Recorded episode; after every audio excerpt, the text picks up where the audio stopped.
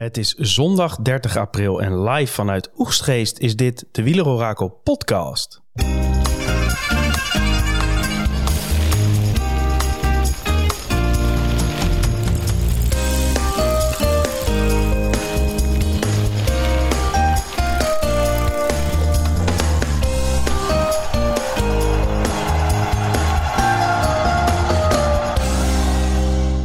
De grote Giro podcast, mannen. Ik kijk in de ogen van Arjan Zoer op links. Hallo? Goedemiddag.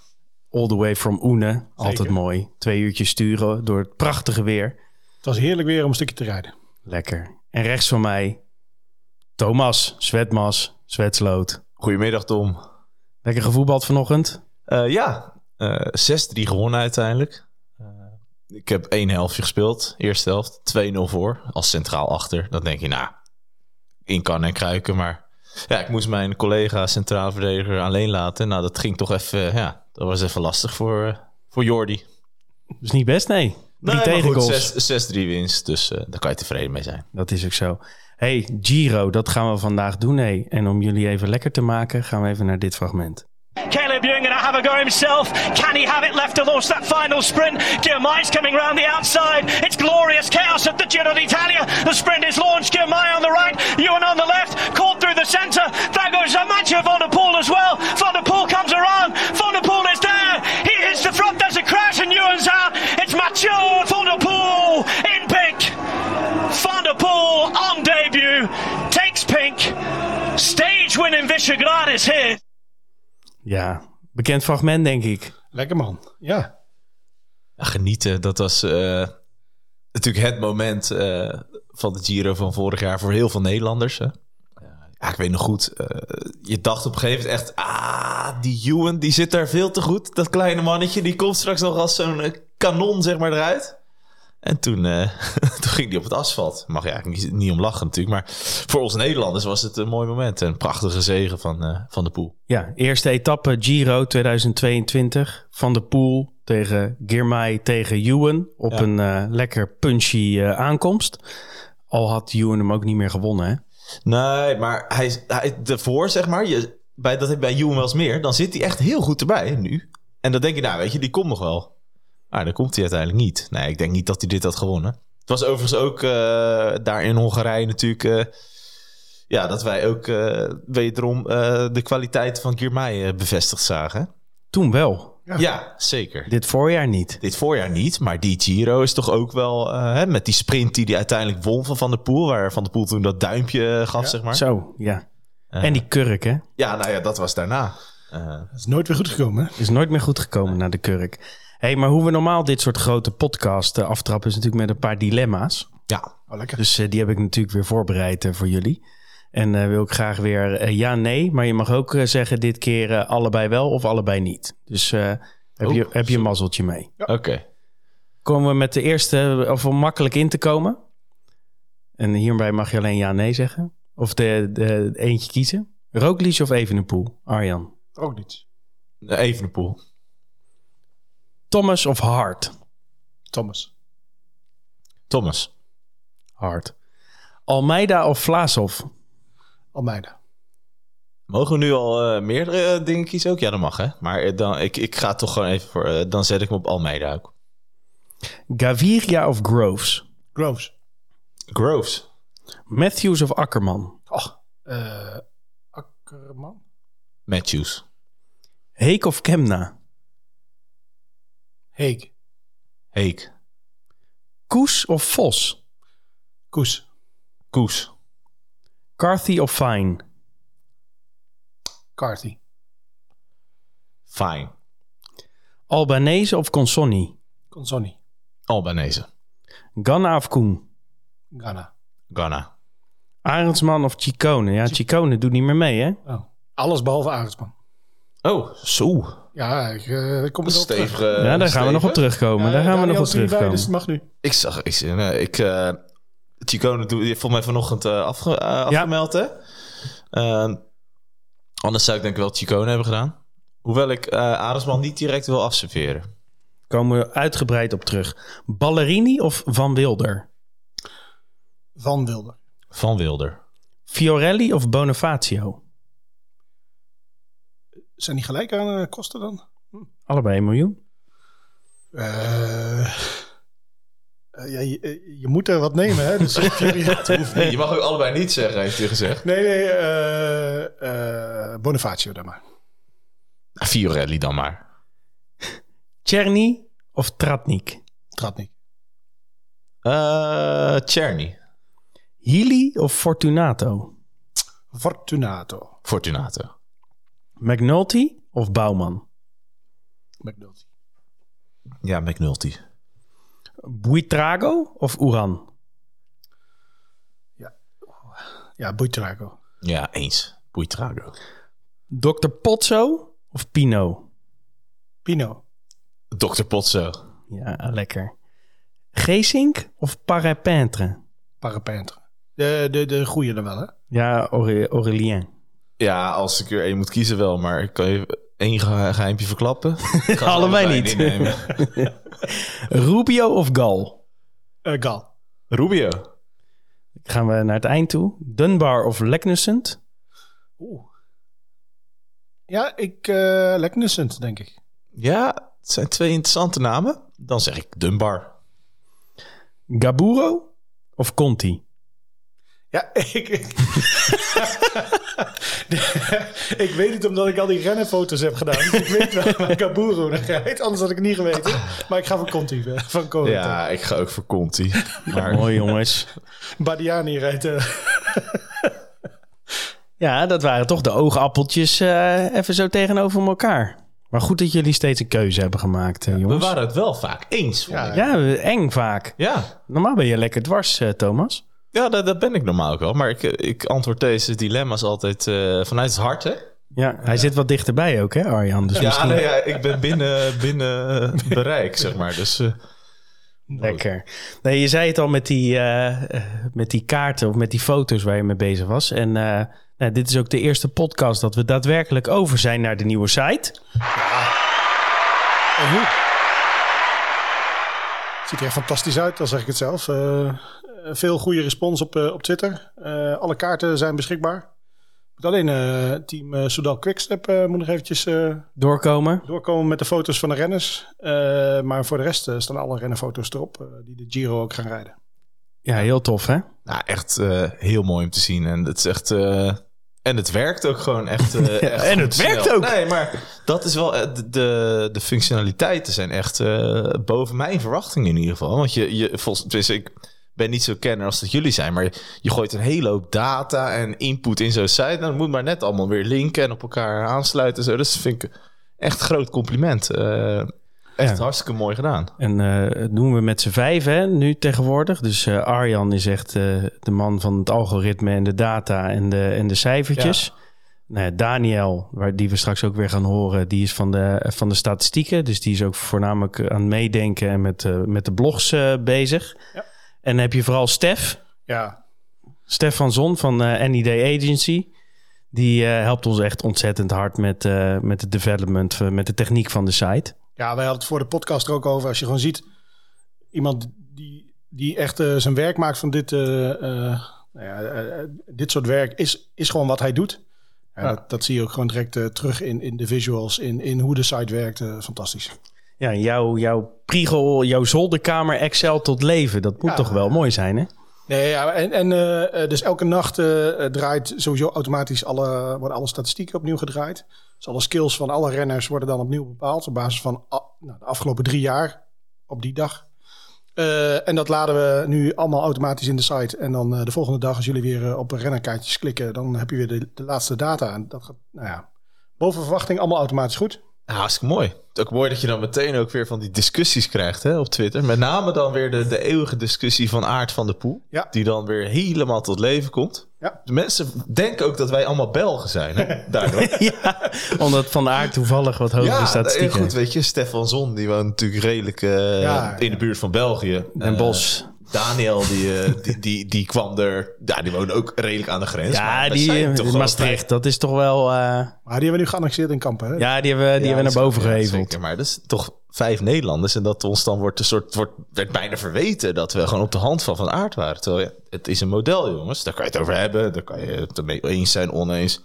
En een model, hè, as far as I know, ja, daar zitten altijd inputs in. Hè. Je moet altijd bepaalde, ja, bepaalde veronderstellingen, bepaalde keuzes maken. Dus. Maar ik vind het wel grappig om te zien dat er dan, uh, dat er dan toch zo leven komt als je zeg maar twee van die rennerskaarten online zet. Ja, en de grap is dat er dan heel veel gediscussieerd wordt over twee, drie puntjes verschil, ja, ja, zeg maar, op een skill. en, da en daarop wordt een soort van dat hele concept ook uh, of uh, dikke duim of dikke duim omlaag. Hè? Op, ja, op basis van 2, 1 punt. Oh, dat kan niet. Ja, of, dat is zo mooi. Nee, maar het is allemaal uh, zo objectief als het maar kan zijn. Allemaal op dezelfde manier. En altijd in ontwikkeling. Hè? Want in ja. jouw zomervakanties ga je altijd weer lekker aan de gang knutselen... om het algoritme nog iets beter te maken. Dus... En het, het, belangrijkste is, het is in ieder geval allemaal op dezelfde manier gemeten voor elke renner. Ja. De, en nul uh, handmatige beïnvloeding. Yes, yes. Dus zowel mannen als vrouwen. Beide staan op de site en uh, ja, ook dat, hè? Live. Ja. Dat is heel, heel tof. En we zijn nog lang niet klaar, hè? Want we zijn nog bezig heel hard met een head-to-head. Dus dat je ook daadwerkelijk van de pool en van haar tegenover elkaar kan zetten. Helemaal lachen wordt dat. En, ja, ik vind het wel gaaf. we hadden begin van het jaar nog even een aftrapje. En toen zeiden we ook van ja, onze doelstelling blijft mensen helpen met het invullen van een poeltje. Daarom deze podcast ook weer en, en de site. Uh, nou, ik denk dat er steeds meer middelen en toeltjes komen waarmee je uh, nou, je, je, keuzes wat kan vergemakkelijker dan wel iets meer kan onderbouwen. Uh, daar kun je nog steeds mee oneens zijn, helemaal waar. maar ja, dat is juist de fun dat, dat ook de poeltjes nog wel onvoorspelbaar blijven. Ah ja, dat blijft, dat blijft het hoe dan ook. Dus en kijk, zo'n Van der Poel tegen Van Aert is leuk, maar het is helemaal interessant natuurlijk om, om nou te kijken van oké, dit ploegje, Bardiani bijvoorbeeld wie kan hier in godsnaam een beetje sprinten? Ja, dat je Gaburo versus Conti... Uh... Nou, bijvoorbeeld. Dat zijn natuurlijk in principe de meest interessante uh, renners om tegenover elkaar te zetten. Ja. Nee, dat is zeker waar. Dus um, mooi. Ga kijken. Als je naar wielerorakel.nl gaat, dan kom je er ook. Maar de officiële URL is cyclingoracle.com. Ja. Nederlands en Engels beschikbaar, vol met data. Ga kijken, want er komt elke dag weer wat nieuws. Um, ja, en de, de laatste, Subleak, Scorito. Meld je aan. Kun je weer een mooi uh, Brouwerij Pronk bierpakket winnen... als je uh, de winnaar bent van het uiteindelijke uh, endgame. En volgens mij zitten er al bijna duizend in, dus dat gaat lekker. Lekker. Was bijna het laatste, Thomas. Wielerquiz update. Ja, goeie. Nu, leuk dat je erover begint. Uh, gaat best goed met de inschrijvingen. Uh, 14 teams al ingeschreven. Dus uh, we zitten op een mannetje of 60 al die naar Leiden afreizen. Het is nog even weg, hè? 17 juni gaan we doen in Leiden. Café Scheltema. Vanaf een uurtje of twee, half drie. Uh, ja, al het enthousiasme op Twitter. Alle kenners op Twitter. Ik zou zeggen, verenigt u en, uh, en meld je in Leiden. Want het, het belooft weer een, uh, een enorme uh, mooie middag te worden. Ik heb al wat vragen gezien en dat zijn echt heerlijke vragen. Dus, uh, ja, we hebben twee teams uit België, hè? Ja, zeker. We hebben team Domestiek hè, van de. Ook wel bekend op Twitter. zeer bekend en zeer goed in het analyseren, voorbereiden van koersen. En we hebben onze runner-up van vorig jaar. Uh, Jasper zal het doen stuiven. Oh, wat wisten die gasten verschrikkelijk die veel. Echt verschrikkelijk veel van wielrennen. En uh, dat was hartstikke mooi. En die, die hebben zich er ook weer aangemeld. Hè. Die vond vorig jaar ook een uh, hartstikke leuke quiz, zoals ze dat zeiden. En die, die, die reizen heel graag weer af naar Leiden. Dus ook twee Belgische teams. En twee Belgische goede teams, zou ik wel durven zeggen. Ik begreep ook dat de winnaar van vorig jaar wat personele problemen hadden. Ja. Dus dat betekent dat er allicht ook ruimte is voor een nieuwe winnaar van de wisselbokaal. Oh. Ik zie Team Wieler Orakel. Hè? De helft van Team Wieler Orakel zit hier tegenover me natuurlijk. Maar die zie ik al wat beginnen te glimmen. Uh, ik zal er geen voorspelling op loslaten. Maar ik denk dat er ook andere teams zijn die uh, denken van... Hé, hier valt wat te halen. Uh, en buiten dat, hè, ook al eh, gaat het niet om de overwinning. Het is een, een middag die bomvol staat van de van de mooie fragmenten hè, vanuit het verleden. Uh, met wat uitdagende vragen. Maar toch vooral ook een hoop uh, gezelligheid. Uh, een aantal Belgische en Nederlandse speciaalbieren staan op de kaart bij Scheltema. Dus meld je vooral aan voor, voor 17 juni. het gaat via een Google Form. Dus echt binnen twee minuten heb je je aangemeld. En dan komt het helemaal goed. Ja, nee, dat, en de tourkoorts aanbakken, hè? Zeker, want het is natuurlijk... twee weekjes ervoor. Ja, dus, 17 juni is twee weken ervoor. Ik denk dat er week daarna zal, is de week van het NK, denk ik. en daarna begint het al de Tour. Dus lekker. heerlijk om even die... om lekker te gaan verheugen ook op die middag in Leiden. Maar nu de Giro. En dat gaan we doen uh, ouderwets door het parcours in vogelvluchten erbij te pakken, Thomas. dus, zit hier, uh, nu zitten hier voor de luisteraars zitten hier twee mensen mij aan te kijken. En als dan Tom zegt in vogelvlucht, dan beginnen ze allebei heel hard te lachen. Ehm, ik ga het proberen ehm, door de etappes met jullie door te lopen. We beginnen op zaterdag 6 mei met een tijdrit. Een van de drie tijdritten. Het is een tijdrit van een kilometer of 20 in principe helemaal vlak. Het is een mooi fietspadje, fietspaadje dat ze hebben gekozen om lekker daar, ja, daar overheen te fietsen. Tot op kilometers of drie voor de streep. Dan is er nog een, een heuveltje. 1,7 kilometer aan 5,3 procent. Dus nou ja, dat, ja, op zich op het grote mes denk ik wel. Ik denk dat heel veel tijdrijders er niet heel veel van zullen voelen. Maar het is toch even wat anders dan op het vlakke. Dus na 20 kilometer tijdrijden weten we wie de eerste roze tuin in ontvangst neemt. En dan gaan we een, eh, een, dagje, een dagje verder. Hè? Dat is op 7 mei. Dat is ook tijdens ons eh, demo-festival hè, in Leiden. Volgende week, zondag, staan we op het podium. Ja, maar dan gaan we ook met z'n allen lekker de, de Giro kijken. Ja, dan kijken we naar een vrij saaie etappe. Want dit wordt er eentje voor de sprinters. Hè? Van Teramo naar San Salvo. Uh, twee uh, bergjes van vierde categorie. daar kan de bergtrui, kan een strijd om de bergtrui ook uh, losgaan. En de winnaar van de etappe verdient ook de puntentrui. Dus er staat veel op het spel in die etappe, maar dat wordt een, een sprint. Etappe 3 staat in de boeken als vlakke etappe, maar zou ik zelf niet zo willen klassificeren. Want op een kilometer of 30 voor het einde, 30, 40, staat er een call, colletje op het programma van, nou ja, toch al pittig hè, van 6,3 kilometer aan 6,4 procent. En daarna volgt eigenlijk vrij snel een, eh, een tweede bergje. Dat is 2,6 kilometer aan 7,6 eh, procent. Nou, Twee traps raketje. Ja, dat kun je wel zeggen, ja. En uh, ja, op dat moment daarna is het nog een kilometer of 30 naar de finish.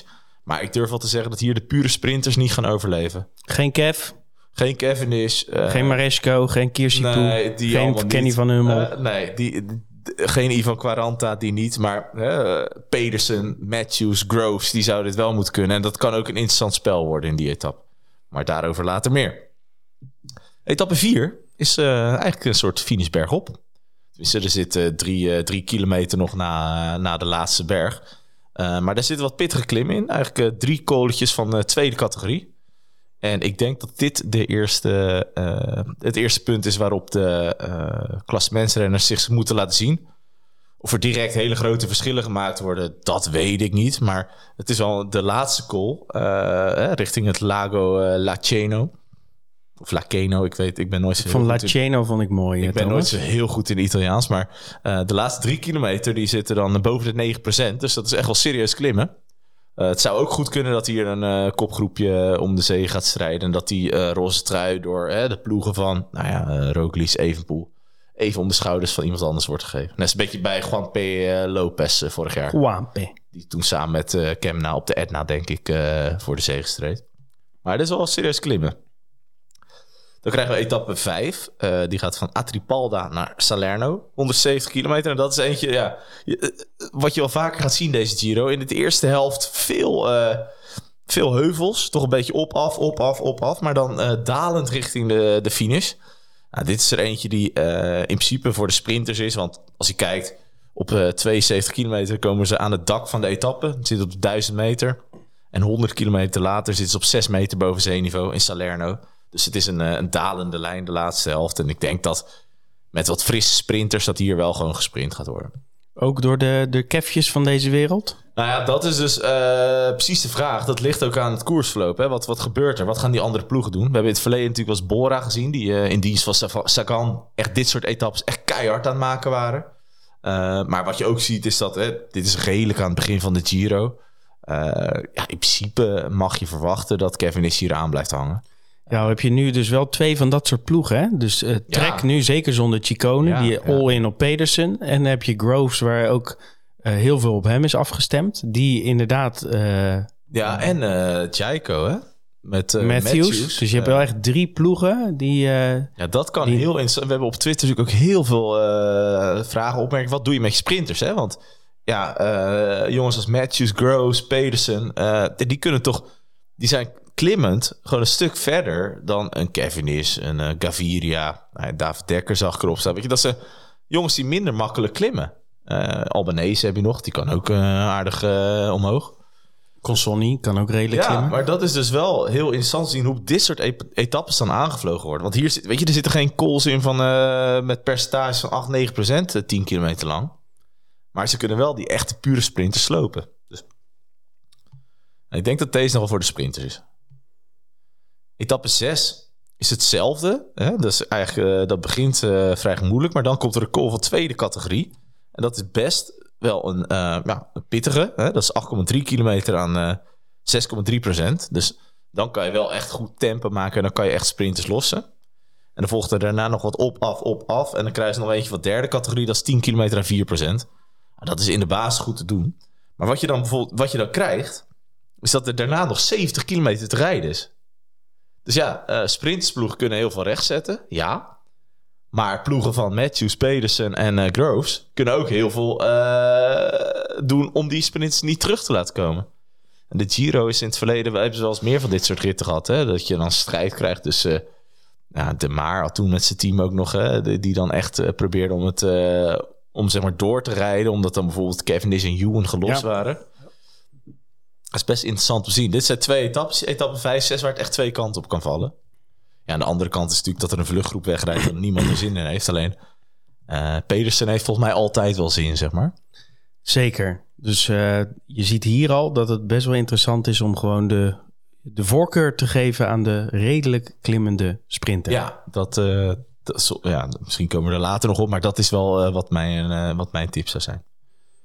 In etappe 7 hoef je geen uh, sprinter op te stellen, ook geen goed klimmende sprinter. we gaan finishen bergop op de Gran Sasso d'Italia. Rit over 218 kilometer. in het midden een call van tweede categorie en wat, wat klim- en klauterwerk. Maar met name richting het einde wordt het zwaar. Er zit een klim in van, van een... nou, hoeveel kilometer is dat? Dat is toch een kilometertje of 14 aan uh, 6%. En uh, nou ja, dat is, toch, uh, dat is toch al redelijk pittig. Maar daarna krijg je nog een uh, klim. En die is, ja, officieel is die dan een soort 30 kilometer. alleen, ja, dat is een beetje met een. er zitten ook wat vlakke stukken tussendoor. Dat is de richting Gran Sasso d'Italia. Ehm, waarbij de finish, de laatste 4,5 kilometer, is boven de 8%. En pieken we ook nog naar de 13%. Dus ja, dit is wel uh, klassementsrenners. Uh, uh, laat u zien en kom maar uit uw hok, zeg maar. Kolfje naar de hand van Gaburo, Arjan. Ja. Let op, hè. Dan krijgen we etappe 8. Dat is een echte overgangsetappe voor de punchers onder ons. er zit, het is een redelijk, gemoedelijke aanloop. En dan komen we nog op een, op een circuit. Een circuit waar dan twee keer de ja, twee keer een soort ja, echt een punchy heuvel. 2,8 kilometer aan 8% eh, bedwongen moet worden. En tussendoor nog een wat langere klim van 8 kilometer aan 6,5%. Nou ja, dan weet je het wel. Sprinters zijn eraf. En uh, ja, het is typische rit voor, een, uh, voor iemand die dan die rit daarvoor misschien wat tijd heeft verloren. Die dan uh, daar tijd kan winnen. En ook ja, als het allemaal samen blijft, dan is het, ja, weet je, dit, ik verwacht niet dat sterke klimmende sprinters dit aankunnen. Dit is echt heel pittig. Het is meer een Ulysses werk of iets dergelijks. Ja, Conti. Conti, zeker. Nou, dat is waar, eenmaal. Dan gaan we tijdrijden in etappe 9. En dat is echt, ja, echt gewoon voor de grote motoren. Hè? Dus gewoon, uh, ze dachten, nou, hoe kunnen we die Ghana naar Italië lokken? Nou, in principe hiermee. 35 kilometer, pannenkoekenvlak. Uh, ze beginnen op 30 meter boven zeeniveau. Ze eindigen op 21 meter boven zeeniveau. En maximaal komen ze op 44 meter boven zeeniveau. Dus het is gewoon uh, ja, je kan bij zich uh, steken, verzet en uh, doe hem vooral lekker groot. En ronddraaien. En, je hebt in principe maar één uh, tandwiel voor nodig, zeg maar. Ja, zeker. Ja. En, Blankgas. Twee of drie achter dat zou ook kunnen. Je moet er wel een beetje op kunnen trekken natuurlijk. Anders krijg je een Costaatje. Dat moet je ook niet hebben. maar dit wordt eentje... Dat wordt een hooggemiddelde, volgens mij. Dus, dat is ook... Maar Evenboel kan dit ook, hè? En Roglic kan dit ook. Dus voor andere klassementsrenners die iets minder bedreven zijn in tijdrijden, is dit er gevaarlijk, toch?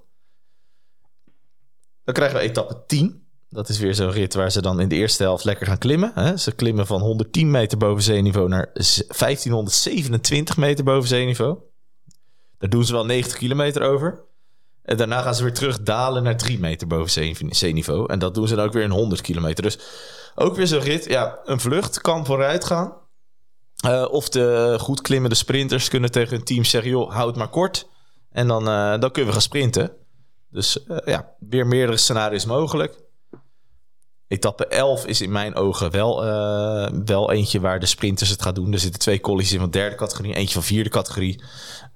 Maar genoeg tijd om te herstellen en daar wordt het nooit echt stijl. Dus ik denk dat als de sprinters er één mogen, kiezen, dat ze eerder deze kiezen dan, dan die daarvoor.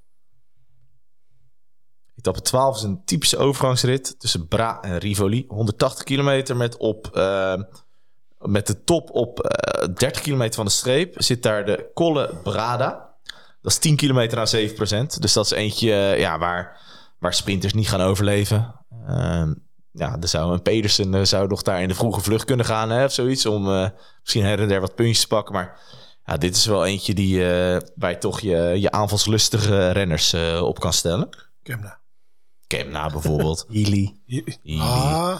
Nee, ja, voor, ja, maar Healy komen zo nog wel op, denk Maar dat, het is voor Healy ook geen makkelijke Giro. Dan gaan we klimmen. We gaan naar Krans Montana. Uh, dat, is, uh, dat is pittige kost. Dat is Zwitserland. En uh, eerste bergetappe waar ook de Chima Koppie in zit. Hè? Dat is de Col de Grand Saint-Bernard. Dat, is, ja, dat is echt een mega lange klim. Die zit dan in de, in de helft van de, van de etappe. Deze etappe die overigens 5100 hoogtemeters bevat. Dus dat is echt wel pittig. Dan krijgen ze nog de Croix de Coeur. En ze krijgen de Krans Montana als klim enige nadeel dat erin zit, is dat er voor de Kans Montana, voor de slotklim, zit er nog een, een heel vlak stuk van 20, 25 kilometer. En dat is in het verleden was gebleken dat dat de... Remmende factor is. Ja, dat dat de, de actie op de, die klims daarvoor toch wat uh, doet afnemen, zeg maar. Dus uh, nou, heel benieuwd wat daar gaat gebeuren. Maar ja, als je echt kijkt naar zo'n uh, zo Saint Bernard, ja, 34 kilometer klimmen hè, tegen 6%. 34 kilometer. Ja, het is een serieuze, leuke, mooi profiel. Dus uh, zijn wij Heerlijk zo'n profiel met drie... Twee, twee, uur mee bezig, meer nog wel. En ja, en dan krijg je... Dan denk je, ik heb het al gehad. Dan daal je lekker af. Dan ga je meteen weer omhoog. En dan krijg je pittige, die Croix de Coeur. Die is 15,4 kilometer tegen 9% Dus dat is echt heel pittig. En ik denk, eerlijk gezegd, dat daar wel een eerste grote geschifting gaat ontstaan. Ik denk dat, uh, dat de de Evenepoels, de van deze wereld ook niet gaan wachten tot die laatste klim. Nee, ik hoop hier weer op zo'n mooi uh, strategisch spel met een paar renners vooruit. Ja, ja, absoluut. Op de eerste, op de eerste berg aanvallen en dan uh, hopen dat je ze in de tweede berg meepakt, zodat je dat, dat dalletje... nou, dat je het ook kan pakken, ja. Ik ken hem verder uh, niet persoonlijk, Marijn Zeeman, maar ik weet zeker dat hij, dat hij hiervoor een plan heeft voor deze etappe. dit is echt zo'n etappe waar Jumbo echt... Evenepoel wil slopen. Ja, uh, dat denk ik wel. Uh, of dat lukt, dat weet ik niet. Maar dit is wel eentje waar je inderdaad hè, met, met mensen vooruit, met, uh, met mensen die wachten op de top, dat soort dingen, daar kan je echt heel veel, heel veel doen. Maar is het dan Jumbo die moet aanvallen omdat ze niet het roze hebben en, en ja, dat is de vraag. Remco roze, roze heeft of zijn nou, na, twee, na twee tijdritten lijkt het me logisch dat Evenepoel voor Roglic staat op dit moment. Ja, dat, ik, ik, ik, Lijkt logisch, hè? Ja, neig ik ook zeker naar. En uh, los daarvan, ze zullen niet heel veel uit elkaar staan. En uh, Bovendien je moet is, ook niet willen laten aankomen op de... Tussen zij willen allicht ook als ze denken, we zijn goed, we zijn sterk. Ja, dan is het ook wel... Uh... En ik denk dat Evenepoel, die zal de tactiek voeren van zo snel mogelijk profiteren van zijn vorm. Om zo'n groot mogelijke voorsprong. En dan hopen dat hij de derde week doorkomt. Ja, maar hij zegt dus dat hij eigenlijk pas in de derde week top wil zijn. Ja, ik ook. Huh? Nee, maar het is wel... Uh, Als die in Luik al zo goed is. ja, zeggen, dat, klopt. dat is wel serieus uh, vervelend voor zijn concurrenten. Ja. Als dit in Luik nog maar, zeg maar op 95%. Ja, ja, Al zei die 105% hè? Ja, voor Luik. Ja, ja, ja, dat is inderdaad... Maar dat is heel interessant te zien hoe die vorm pieken gaan. Hè? Dat, daar straks komen we bij Ineos waarschijnlijk. Van hoe, de, hoe, hoe mensen opbouwen en hoe mensen doen. Dat is heel interessant om te volgen. Ja, laten we hem even afmaken, dat parcours. Ja, Thomas. zeker. Uh, ja, jullie komen heel tussendoor, hè? Etappe 14.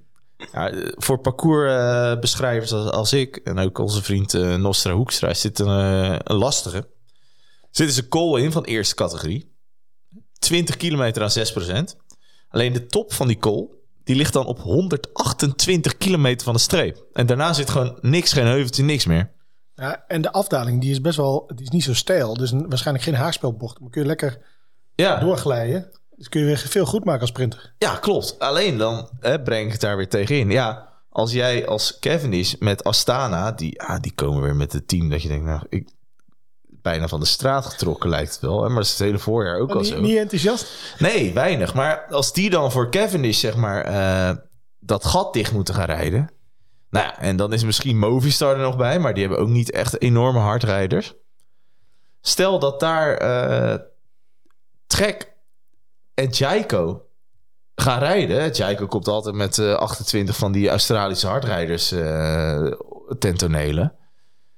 Ja, dan wordt het wel lastig ook voor een team van Cavendish om dat, da- om dat dicht te krijgen. Dus dat is heel Nou, interessant. het blijft vooral, kijk, het kan, maar dit gaat natuurlijk niet elke keer gebeuren. Want Nee. dit- er zijn best wel wat etappes waar het kan en dat maakt het natuurlijk zo lastig. Ja, Dat je, in, inderdaad, in theorie kan dit heel goed, maar dit gaat niet el- elke keer gaan ze zo hard lopen beuken om dit voor elkaar te boksen. nee, je dus dan gaan zou het niet vluchten zeggen, lopen op maar ze kiezen ze wel uit. Maar dat is wel voor je Scorito-spel bijvoorbeeld wel moment. Essentieel, zeer ja. lastig. Voor de klassementsploeg is het wel een interessante rustdag.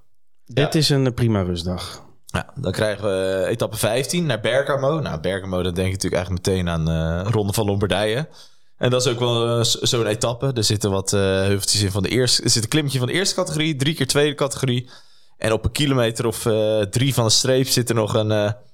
nog een ja, eh, 1,6 kilometer en 8% Dus dat is wel gewoon echt een flinke punch nog aan het einde.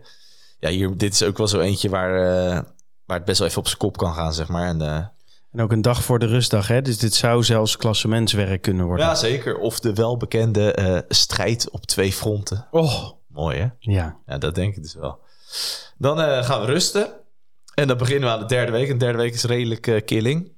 Eerste etappe is etappe 16. Eh, Monte Bondone. de Monte Bondone. Hè? Maar dat is niet de enige klim die erin zit. Hè? Er zit één klim in van eerste categorie, twee van tweede categorie. En dan gaan ze naar Monte Bondone. Monte Bondone is een, eh, ja, een bekende klim toch wel. Charlie Gol wonder is. Ivan Basso wonder is. Wie kent hem niet? En eh, ja, het is 21 kilometer aan 7% Dus dat is ook weer een lange klim. Eh, heel benieuwd om te zien hoe de hoe eh Evenpoel, Roglic, maar ook de andere klassementsmannen zich op dit soort klimmen tot elkaar verhouden. Dat is altijd wel, want het is wat anders dan vorig jaar Spanje. Had natuurlijk vaak van die, ja, die vlakke etappes met dan één klim aan het einde, weet je. Daarbij ons nog een beetje aan zitten irriteren ook wel. Van ja, weet je, saai.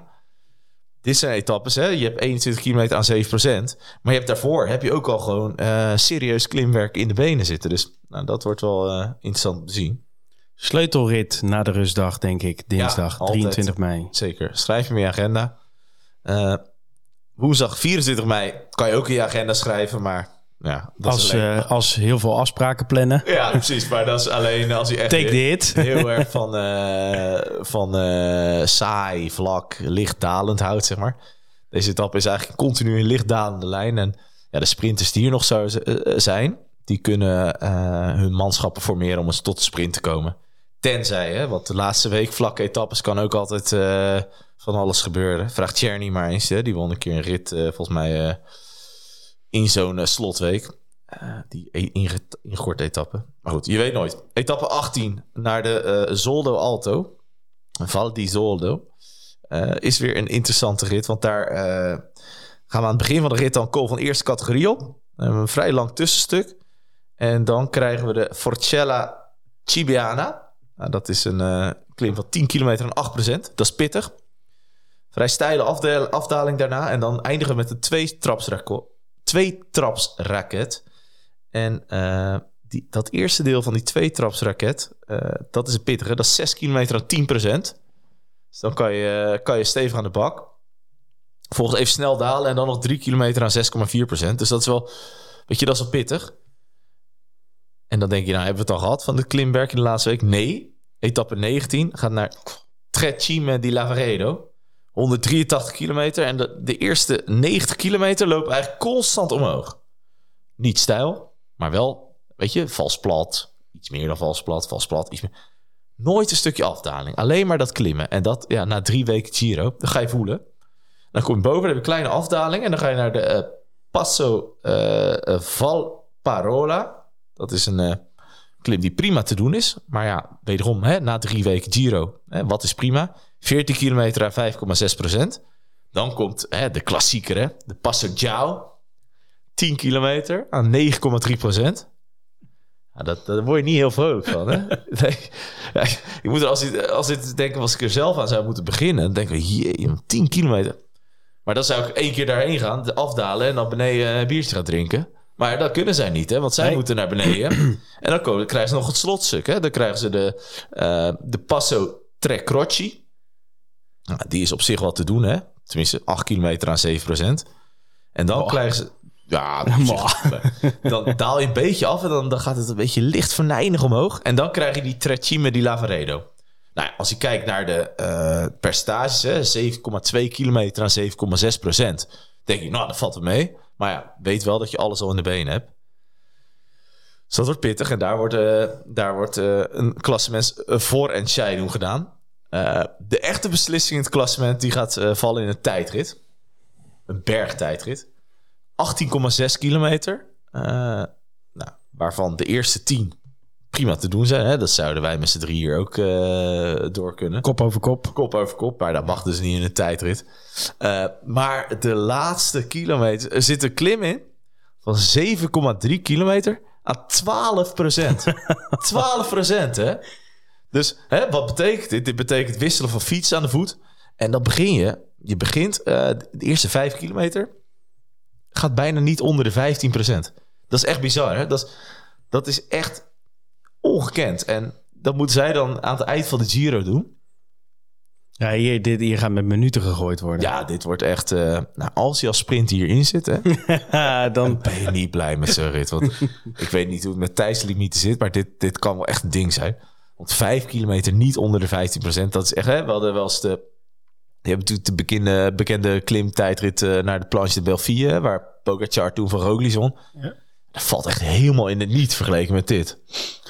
Ja, en zo vaak zijn er uh, geen klimtijdritten. Ik weet in de Tour heb je uh, inderdaad die Planche de Belfie en Chamroes volgens mij, kan me herinneren, met Armstrong toen nog. Ja, ja. Nou, je hebt, in de Giro heb je een keer gehad, toen won uh, Foliforo volgens ja, mij van Gazprom.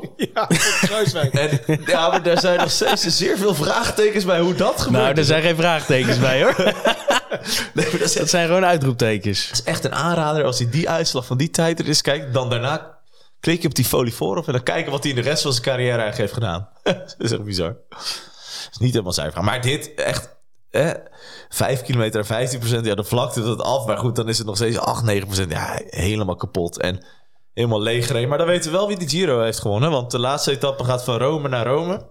Over 135 kilometer. En dan... Uh, uh, gaan we een circuitje op en dan gaan we dan eens even kijken wie er kan sprinten daar. Maar... Ik ben benieuwd wie er dan nog kan sprinten. Ja, zo, wie is er nog? Ja, wie er nog in, de, wie er nog in zit en uh, wie er nog, uh, nog benen heeft. Want, dus samenvattend, hè, om het af te ronden, hè, het is toch een vogelvlucht.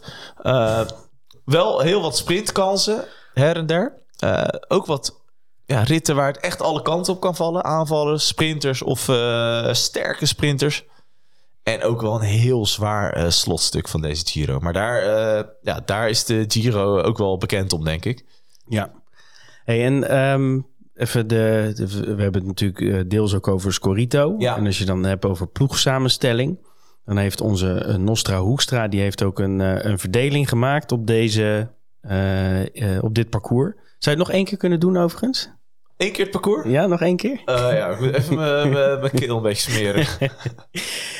um, zes uh, sprinters, maar dan het liefst wel uh, sprinters die een heuveltje over kunnen. Twee rappe heuvelmannen. denk dan aan Kort, Magnus Kort. Denk dan aan Andrea van Drame. Een beetje dat soort gasten. die dus kunnen ontsnappen in de heuvels en dan ook nog een sprintje kunnen winnen zeven uh, klassementsmannen. Um, één tijdrijder. Twee klimmers. Gaburo bijvoorbeeld. En twee ploeggenoten van onze vrienden Evenepoel slash Roglic. Kun je er een beetje in vinden, Thomas? Ja, voor mijn gevoel, ik vind zeven klassementsmannen vind ik altijd... Uh, klinkt wat uh, weinig. Maar misschien dat je dan ook kan zeggen dat een, uh, een uh, ploeggenoot van Evenpoel, uh, ook een klas... Hè, bijvoorbeeld een Koes die ook in het verleden wel eens heeft laten zien hè, dat hij in de dan nog best ook in het klassement kan blijven. Dat dat ook een optie is. En een klimmer kan wellicht ook een klassementsman zijn. Maar met zeven klassementsrenners afreizen vind ik redelijk, nou, redelijk schaars. Maar als je kijkt, twee derde van de Giro gaat eigenlijk om de sprints. Ja. Sprints, heuvelmannen en, en dus minder de echte bergreten ja. de klassementsmannen. Ja, nee, daar zit zeker wat in. Alleen... Nadruk ligt wel echt op sprinten. Of in ieder geval uh, ten opzichte van de uh, rondes die we achter ons hebben liggen. Ja. Daar waar je met vier, vijf sprinters wel uit de voeten komt moet je nu wel echt even eentje extra selecteren. Ja, hier moet je zeker wat extra sprinten. Zeker die sterke sprinters. Wat, wat je ook ziet natuurlijk, is dat, um, dat je van die etappes krijgt... waar misschien een keer een vlucht het haalt. Nou, van een mannetje of acht, negen. In de Giro is dat veel vaker dan in de Tour. Ja, ja precies. Dat, dat, en, maar dan komt er daarachter nog wel een sprintje. En als hij dan bijvoorbeeld tiende wordt als, uh, als een sprinter... Vlaas, levert ook nog puntjes op. Ja, daarom.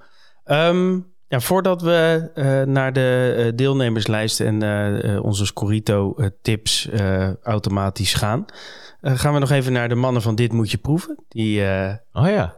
hebben natuurlijk een, een culinaire bijdrage op de Ronde van Italië ja, gemaakt. Vorige keer hadden wij natuurlijk de Luikse wafels ingebracht, omdat zij eigenlijk niet niks hadden ingestuurd. Nee, ze hadden eentje één keer verstek laten gaan. Ja. Dus nou, ik ben benieuwd wat ze... Ik ga ervan uit dat daar wel iets... Drie weken lang lekker eten. Lekker toch? Ja. Heerlijk. Gaan we horen. Dag wielerorakel-luisteraars. We gaan deze keer naar La Bella Italia voor een van de Big Three. Giro betekent letterlijk ronde of rondgang. We laten deze keer de wielen niet ronddraaien, maar wel de ultieme Italiaanse klassieker. Klopt helemaal, Ben. We gaan het over één van de grote P's hebben. De pizza Mamma Mia. Geboren in Napels als armeluisvoedsel. Origineel belegd met kaas, kruiden, knoflook en reuzel. Maar geen zorgen voor thuis. Geen reuzel deze keer. En je hoeft geen doorgewinterde pizzaiolo te zijn om hier een succes van te maken. Allereerst het deeg. Laat AUB de opgerolde kant-en-klaar degen in de supermarkt liggen. Klein advies als je een pizzeria hebt waar je graag heen gaat. Vraag of je een paar bolletjes deeg mag kopen. Doen ze vaak niet moeilijk over en je kunt direct aan de slag. Dat is de easy peasy methode, Ben. Misschien wel zo handig als je alle etappes van de Giro wilt kijken. Of je deeg nu zelf maakt of je fixt bij de pizzeria. Een goede, superhete oven is essentieel. Mijn Ferrari is mijn go-to. Zo, zo, zo. Meneer rijdt in stijl. Nee, Ben. Auto's kunnen me gestolen worden. De Ferrari is een elektrische pizzaoven. Rond, Ferrari rood, supersnel en superheet. Ah, dus eigenlijk alleen nog denken over de toppings. Mijn all-time favorite is carciofi. Dat is goed Italiaans voor artichok. Tomaat, tonijn en knoflook. Goede olijfolie erover en aan tafel. Heerlijk. Dan maak ik er een met tomaat, buffelmozzarella, venkel salami en olijf. Wat mij betreft duurt de Giro eindeloos. Nou, de renners denken daar anders over, denk ik. Na 21 dagen is het welletjes. Basta dan. Ciao.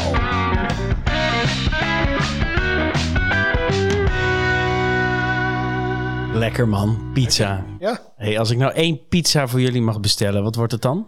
Uh, meatlovers.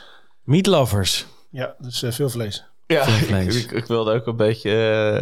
Uh, ik dacht van, dat, dat staat mij ook wel aan altijd, ja. Ik vind pesto ook altijd erg lekker. pesto pizza? Pizza pesto, nou, maar dan ook wel met nou, een beetje kip erbij. Pollootje? Lekker? Ja, dat is altijd goed, vind ik. Maar Meatlovers is ook altijd een beetje dat je denkt, zeker als je dan bijvoorbeeld een keer een stuk gefietst hebt. Ik weet niet, ik doe dat nog regelmatig. Ik weet niet of jij dat ook nog doet, Tom, maar... Elektrische bakfiets. dan is dat echt heerlijk, ja. Dan maken calorieën echt helemaal niks meer uit. Lekker. Uh, mijn guilty pleasure is toch altijd wel de pizza shawarma met een beetje oh, ja. knoflook erop. Pittige pizza is ook wel lekker, maar ja, dat is altijd rennen. En dan heb je nog de quattro stagioni, ook altijd goed, hè? Ja, maar dankjewel mannen van Dit Moet Je Proeven, Willem en Benjamin. Heerlijk om weer te luisteren. Hey, we gaan uh, in vogelvlucht door de startlijst heen. Uh, en dan pakken we steeds even een paar namen die we uh, interessant vinden voor, voor het poeltje. Um, beginnen dan bij, bij Quickstep. En vul me maar aan als je wat toe te voegen hebt. Met de nadruk op als je wat toe te voegen hebt. Dus uh, Remco Evenepoel, nou daar hoeven we niet uh, lang over te praten. Een van de topfavorieten. Uh, welke ik gelijk eventjes in het midden wil leggen bij jullie is Ballerini. Mm. Wat moeten we daarmee? Knechten. Gaat hij sprinten? Nee joh, knechten. Helemaal niet? Nee, alles in teken van het gras. Alles in, is dat al gezegd? Nee, maar je vraagt waar we ermee moeten. Ja, nee, dat is... Het is niet gezegd, maar ehm, kan me moeilijk voorstellen dat hij allemaal risico's gaat nemen om een Om een sprintje te rijden. Ja, achtste of negende plaats. Want het is ook geen topsprinter natuurlijk. Dus nee, denk ik niet. Oké. Ehm, Cataneo rijdt verder. Czerny. Goede tijdrit. Ja. Waar won die nou? Romandie, de proloog? Roman, die proloog, ja. Jan Hiert, Dat is echt nieuw bij de ploeg.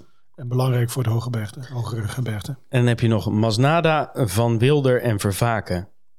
Thomas, hoeveel neem jij er mee van Quickstep? Ja, ik denk twee. Maar het lastige hierbij is, vind ik dat... eh eh, Cataneo kan je zeggen, ja, die kan ook een aardige tijd rijden. Czerny kan een aardige tijd rijden. Hiert kan aardig klimmen. Masnada kan aardig klimmen. Welke neem je mee, zeg maar? Ga je, ga je ook nog voor wat individuele punten? Eh, dat hoop ik altijd wel. En je kijkt ook wel naar de prijs. Dus ik vind dan eh, bijvoorbeeld een, eh, een Van Wilder. Ja, die was vorig jaar wel laten zien dat hij ook echt veel punten kan halen. Dus dat heeft nu op dit moment mijn voorkeur. En zo'n Czerny voor 1 miljoen. Twee tijdritten waar hij ook individuele punten kan pakken. En een extra ploeggenootje van, eh, voor de 10 punten. Ja, daar ben ik van genezen toen ik een kampenaarts had bij eh, Jumbo. En hij eh, met zijn eh, was het, een van de datingtekst op zijn borst eh, rondreed. Omdat Ja. hij eh, Ja. niet voor een eh, klassement of niet voor een goede klassering mocht gaan. Eh, hij moest die volgende dag weer knechten. Dus ik ben altijd een beetje huiverig om echt in een roze truienploeg eh de, de tijdrijders te pakken. Want die hebben de volgende dag gewoon Ja, weer, zo. eh, Ja, ja, 130 Dat zou goed kunnen. kopwerk, Ja, eh, ja, zeker. Dus jij gaat voor twee. Jij, Arjan? Eentje. Eentje. Ja, maar ja, weet... eh, Alleen Evenpoel? Ja. Oké. Nee, ik neem er wel eentje extra mee. wie dan? Nou, van Wilder, denk ik. Ja, ik neem ook van Wilder. En ik heb nu Czerny er ook in staan. Dus eh, drie. Maar ik, Maar jullie nog, denken dus dat Evenepoel de Giro gaat winnen? Nou, ik denk in ieder geval dat hij heel veel en lang in het roze gaat rijden. Ja, en Ah, En in het wit, hè? dat is ook een belangrijk om meteen even te duiden hier. Die witte trui. Dat wordt vaak vergeten, ook door menig Scorito-speler. Maar die levert het eindklassement van de witte trui... levert 60 punten op. Dat is veel. De eindklassement voor de roze trui levert 100 punten op. Dat is eigenlijk niet eens een heel groot verschil. Tweede plaats van het eh, witte trui eindklassement, 40 punten. Dat is ook best wel veel. En elke dag dat Evenpoel bijvoorbeeld de witte trui heeft... Pakt hij acht punten of zo, of niet? Nee, pakt hij zes, maar als teamplayer pak je er dan drie. Ja. Elke dag. Dus eh, stel Evenpoel rijdt in het roze en in het wit. Dan heb je elke dag gratis 11 punten. Ja, moet je wel opstellen. Ja, ja. Dan moet je hem zeker opstellen, maar dat kan dus. Je kan best wel met wat teamplayers... Het zeg kan maar. echt hard gaan hoor. Dus eh, ik wil die, het belang van die witte trui bij deze ook even gemeld hebben. Ja. Dus ik overweeg... Ik denk ook dat ik blijf bij, bij drie. Maar goed, dat eh, gaat zich nog uitkristalliseren komende week. Hey, Agé Duzer komt met eh, onder meer Vendrame, Gal en... nou, nu staan ook de broertjes Parepintre erop. Waarvan Aurélien, denk ik. Je, die, moet, die moet je hebben als je iemand wil van die, eh, van die gebroeders. Zijn het eigenlijk broers? Ik zeg dat nu wel. Ja, Maar, ja, zeker. Ehm, Hoeveel mensen denken dat er parapent rijdt in, in de wereld? Ja, maar dat is een soort Jansen hè, in Frankrijk. Ja? Ja, het schijnt. nee, ehm, ja, daar heb je eh, denk ik eh Vendrame. Ja, veel mensen die nemen hem als sprinter. en drama. Eh, moet je niet doen. Ehm, ik heb ook in de Scorito tips opgeschreven. Eh, in potentie kan hij zoveel punten pakken, maar dat gaat hij niet doen. Nee, ja, bij Vendra moet je altijd een beetje eh, wel even het nieuws in de gaten houden. Wat hij nu wil, zeg maar. Want hij heeft dus in een Giro heeft hij ook echt meegesprint. Dat was toen Sagan en De Maar tegen elkaar waren. ja. Toen leverde hij echt heel veel punten op. Alleen, ja, geen heeft hij er zin in heeft. Maar hij is wel zo'n zo'n type renner die kan denken... al die echte topsprinters, die gaan de finish niet halen in Rome. Ik zie hem wel de finish halen. Hij haalt wel de Ja, finish, zeker. maar hij gaat niet meesprinten ondertussen, denk ik. Eh, Ja, dat moet je dus even zien te achterhalen. Dus als we, als we daar... het is eh, nog niet bekend, hè? Er is- er is nog niks over er is communiceren. geen andere sprinter bij. eh, Nee, dus dat, dat zou kunnen. Nou, hou, het, hou het nieuws in de gaten voor hem. Gal, Thomas. Ja, Gal, hè, heerlijk. Eh, traditioneel goed in de Tour of the Alps. Eh, echt een leuke renner. Alleen vorig jaar ben ik er met open ogen ingetrapt. Dus eh, ik heb hem nu nog niet erin staan. Maar hij is heel goedkoop, hè? Ja, hij is waarschijnlijk weer 750.000, of niet? Ja. Het is Net zoals die precies Begin er niet aan, Nee. dames en heren. En die Parapentre is op zich een leuke renner. 16e en 15e al geworden. Hè? In, Ja. eh, volgens mij twee keer in de Tour. Ja, hij is op zich een eh, grappige renner. Alleen, Maar ja, alsnog rijdt hij heel weinig eh, punten bij elkaar. Ook al eh, doet Ja. hij waarschijnlijk top 20 eindigen. Dus eh, Er zijn betere renners uit die eh, categorie. Hey, Alpecin ja, is voornamelijk eh Caden Groves. Ja. En krijgt eh, nou, bijna een volledige ploeg eh, tot zijn beschikking. Ja, met goede lead-outs. Goede, goede eh, Sinkeldam, eh Riesebeek. Dus hij heeft echt een goede trein voor hem. Oldani ben ik een beetje... Die zou ook kunnen sprinten. Maar ik denk dat alles voor Groves is. Alles is voor Groves. Ja, want die echt, Baragli, S. Baragli, is ook wel een rappe go- gozer. S. Baragli. S. Baragli, dat staat er toch? Sparagli. S. Baragli. Dat is Simon Baragli heet zo. Sparagli. S. Baragli. Ja. Nou, Oesgeest eh, United. Hey. Nee, maar eh Sparagli is, eh, heeft zelf ook eh mooie ereplaatsen bijeengesprint in de Giro. Ja, Oldani, natuurlijk vorig jaar etappenwinnaar nog. Dat zijn ook leuke renners. En met name ook renners die in een sprinttrein veel kunnen. Krieger ook volgens mij. Ja, is echt een serieuze Dus die hebben wel echt serieus allemaal op Caden, zeg maar. Ja, Groves meenemen. Ja, wat mij betreft wel. Eh, 3,5 miljoen. Wat, wat, wat ik wel eh, als tactiek eh, verwacht bij deze ploeg... is juist wat Thomas ook beschreef... in die, in die eh tussenetappes mee, mannetjes meesturen in de ontsnapping. Dus als je zo'n eh Riesebeek of een Krieger meestuurt in de ontsnapping... die zijn best rap aan de meet. Dus in een groepje van acht hoef je er zelfs niet achter te rijden. Nee, nee, klopt. Nee, het zal veel zo afhangen hoe Groves die eerste sprints doorkomt. Of die echt hoog staat in dat puntenklassement, denk ik. Eh, hij kan het wel. En hij heeft ook een lekker voorjaar. Hè? Uh, Volta Limburg, gewoon die heel overtuigend. Alleen, eh, ja, ik hoop niet. Dat is het enige ding dat ik hem even aanmerk. Dat hij te vroeg heeft gepiekt. Maar goed, gaan we zien. Dat was vorig jaar in de Vuelta ook. Toen zei iedereen ook, moet je hebben, Caden Groves. Toen viel hij me wat tegen. Maar goed. Ja, we gaan het zien. Eh, We gaan even naar Astana. Dan hebben we in principe alleen maar Cavendish, 2 miljoen. Ja, Luis Leon Sanchez in de overgangsetappes zou nog kunnen. Ja, maar ik, eh, Geloof het niet zo, hè? Nee, zonder zonder het de ook niet zo ploeg. voor Cavendish. Maar... Afgelopen twee jaar lekker gereden natuurlijk, maar ook met een lekkere sprint, sprinttrein. Astana rijdt geen deuk in een pakje boter. Is ook lastig voor Cavendish, ondanks zijn ervaring. Zal me niet verbazen overigens als die één keer toevallig wel goed gepositioneerd zit. Ja. Ehm, maar consequent de hele tijd meesprinten zie ik echt niet gebeuren. Nee. Oké, Bahrein. Dat is natuurlijk een heel interessante ploeg. Caruso, Buitrago, Heek, Meder. Dat zijn de, de mannen die eventueel een klassement kunnen rijden. En dan heb je dus nog voor de sprint, die wilde ik ook nog even met jullie behandelen. Pascalon en Rajovic. Wie gaat er sprinten? Ik denk Rajo- Rajovic voor het vlakkere werk en Pascalon in de, in de heuvelachtige etappes. Thomas, eens? Ja, volgens mij wel. Pascalon die ontwikkelt zich ook meer als een soort van eh, wegkapitein. Hè? In plaats van dat hij echt een topsprinter is. Alleen, ja, als hij eh, als een keer heuvelachtig is, dan, eh, dan zal er ongetwijfeld bij zitten. Weet je, die Rajovic is natuurlijk eh, leuk, maar ik zat er vast te kijken. Daar heb ik toevallig openstaan. Uh, resultaten in Romandie waren 74ste, 129ste, 140ste, 122ste, 129ste en DNS. Dus, nou ja... ehm, Oeh, DNS is nooit zo. Nee, maar Rajovic die komt ook geen heuvel over. Voor, Nee, voor- maar dat, dus, nee, dit nee, is dus qua sprint DNS. zou ik hier niet zo op durven, durven inzetten. Ik zou hem er niet inzetten. Caruso, ehm, anderhalf miljoen. Ja, maar eh, sterk in Romandie. Dik in orde. Meenemen?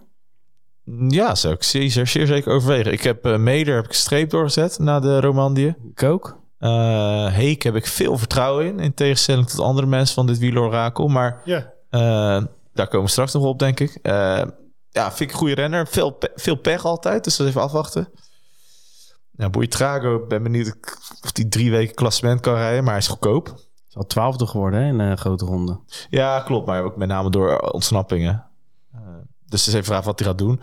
En Caruso, ja, ik vind het, Caruso in Italië als Italiaan. Ja, Wel steady, hè? ja, Het zou zomaar eens de, gewoon de nummer 1 van Bahrein weer kunnen Ja, worden, Caruso. ja. Ehm, Bora. Nou, daar heb je twee eh, mannen die interessant zijn. Vlasov en Kemna. Vlasov vrij duur, hè? 3,5 miljoen. En rijdt nog geen super seizoen. Nee, beetje tegen. Eh, dus voor die prijs ook, denk ook wel ik... gek uitstappen in de Tour, de, Tour of the Alps. Ja, ja, voor Luik, toch? Ja, nou, dat was ook niet heel best. Nee, klopt. Koud en nat. Ja. Daar houdt u onze rust niet van. Nee. En ehm nou, Vlasov doen of niet? Nou, hij staat wel zeker op de nominatie bij mij om, eh, om erin te komen. Ja, bij mij ook. Hm, ik heb hem niet. Kemna? 2,5 miljoen. Ja, ik denk dat die... Ja, als hij voor een klassement zou rijden, zou ik hem zeker overwegen. Maar anders zit je weer met een renner die je niet precies weet wanneer je moet opstellen. Nee, nou, ik zou hem dus als hij voor klassement gaat rijden, zou ik hem dus niet overwegen. Dat is een beetje jou, eh, misschien een beetje jou tegenspreken, maar Ja. eh, ik vind Kemna een hele leuke renner. En die ook hartstikke mooie resultaten kan behalen. Veel punten vanuit de vlucht, misschien een bergtrui. Alleen, ja, als hij gewoon als een wagonnetje achter, eh, achter de treinen van eh, Jumbo en Soudal Quickstep gaat aanrijden. Ja, dan denk ik dat hij elke, elke dag misschien een 15 of 18 wordt. Dus ik zou hem niet nemen. Ik ga hem ook niet nemen. Kemna. 2,5 miljoen, net te duur. Ja, vorig jaar bijvoorbeeld, hè, met die, toen die met die eh, naar de Etna reed, met die eh, gewoon Pedro Lopez. Hartstikke mooi, hè? Eh, volgens mij pakte die bergtrui, etappezegen, heel veel punten. Eh, en toen was hij maar 1 miljoen, dacht ik. Toen was hij ook nog een keer... En hij heeft natuurlijk die... eh, hij heeft Hindley natuurlijk soort van naar de overwinning gesleept... door hem even een kilometer of wat op sleeptouw te nemen. Eh, waarbij Carapaz gelost werd. Alleen ja, in het echte hooggebergte, daar is hij ook net wat te zwaar voor, denk ik. Ik, eh, ik geloof daar niet in als klassementsrenner. Ik ook niet. Hey, Kofidis, Consonni en Chimolai. Nou Hier. Chimolai moi, 1 miljoen, maar die gaat in principe niet sprinten. Consonni 2 miljoen, op zich een degelijke sprinter. Maar 2 miljoen is wel duur. wel duur, hè? Vind ik Maar wel. hij gaat veel eh, sprinten.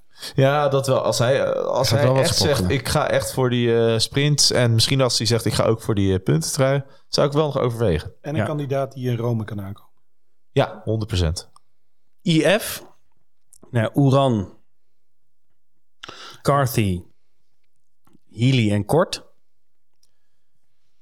Ja, Ja, Oeran is maar een miljoen. Maar goed, die lijkt wel echt eh, een beetje over zijn top heen. een beetje op aan het raken. Ik had volgens mij vorig jaar de Tour zo, dacht ik, of in de Vuelta. Eh toen werd hij 12 of zo, 13e. Wel een goede tijdrit, hè, normaal gesproken. Ja, kan uitpakken, maar... Ja. Maar ik vind stiekem Carthy, 2 miljoen, wel lekker geprijsd. Ja, lekker geprijsd, maar daar heb ik zulke slechte ervaring mee. ja. Ja, Carty die kan... Hij rijdt een goed seizoen, hè? Ja, dat Carthy. wel, zeker. Maar daar, ik heb het idee dat hij wat te vroeg in vorm is, onze Hugh. Maar je weet niet. Ik weet, ik eh, heb hem er nu in staan. En we hebben onze held eh, Ben Healy natuurlijk. Ja, maar wat moeten we daarvan verwachten? Nou ja, Want het is leuk voor een miljoen, maar wat, wat, wil- wat moet hij gaan doen dan? Nou ja, dat is precies een goede vraag eh, die stelt. Want eh, hij kan heel goed eh, heuveltjes oprijden. Misschien ook berg ook wel. Maar ja, hij sprint niet heel erg hard. Hij kan ook nog redelijk tijd rijden, maar hij gaat geen klassement rijden in mijn ogen. Want nooit. je hebt Carthy en Oeran ervoor Dat is de eerste grote ronde dit, hè? Hij is nog maar 22. Ja, dus ehm, Nou, ik zou hem niet. Het is nu dat je natuurlijk een beetje die hem, ge... eh, ik heb hem bij mijn eh don't haves. don't have zelfs. Ah, dat Wel heel heftig. komen er, komen Ja, er straks ja, nog op. zeker, ja.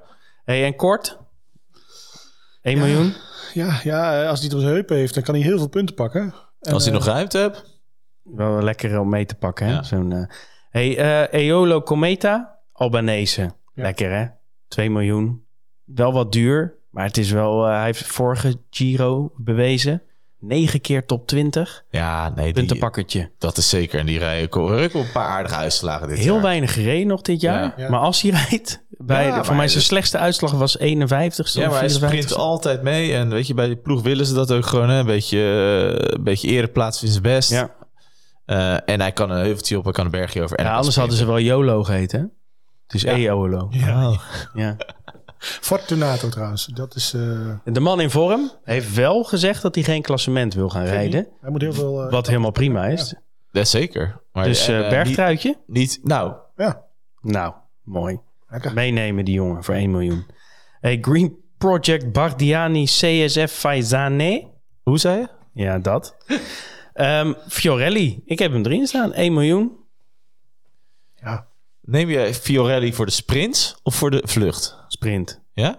Ja, die sprint best wel veel mee. Vorig jaar uitgevallen vrij vroeg. vorig jaar, of het is vorig jaar of twee jaar geleden. Ik, weet niet, ik wil er even vanaf zijn. Toen had ik hem dus. En toen eh, was hij opeens in een of andere bergrit. Was hij, eh, Ja, ja, ja, ja. Eh, toen had ik hem dus niet opgesteld. Nee, dat is Maar altijd dat vind ik bij dit soort gasten soms ook wel lastig. Maar als hij zegt, ik ga sprinten. Hij gaat sprinten. Oké.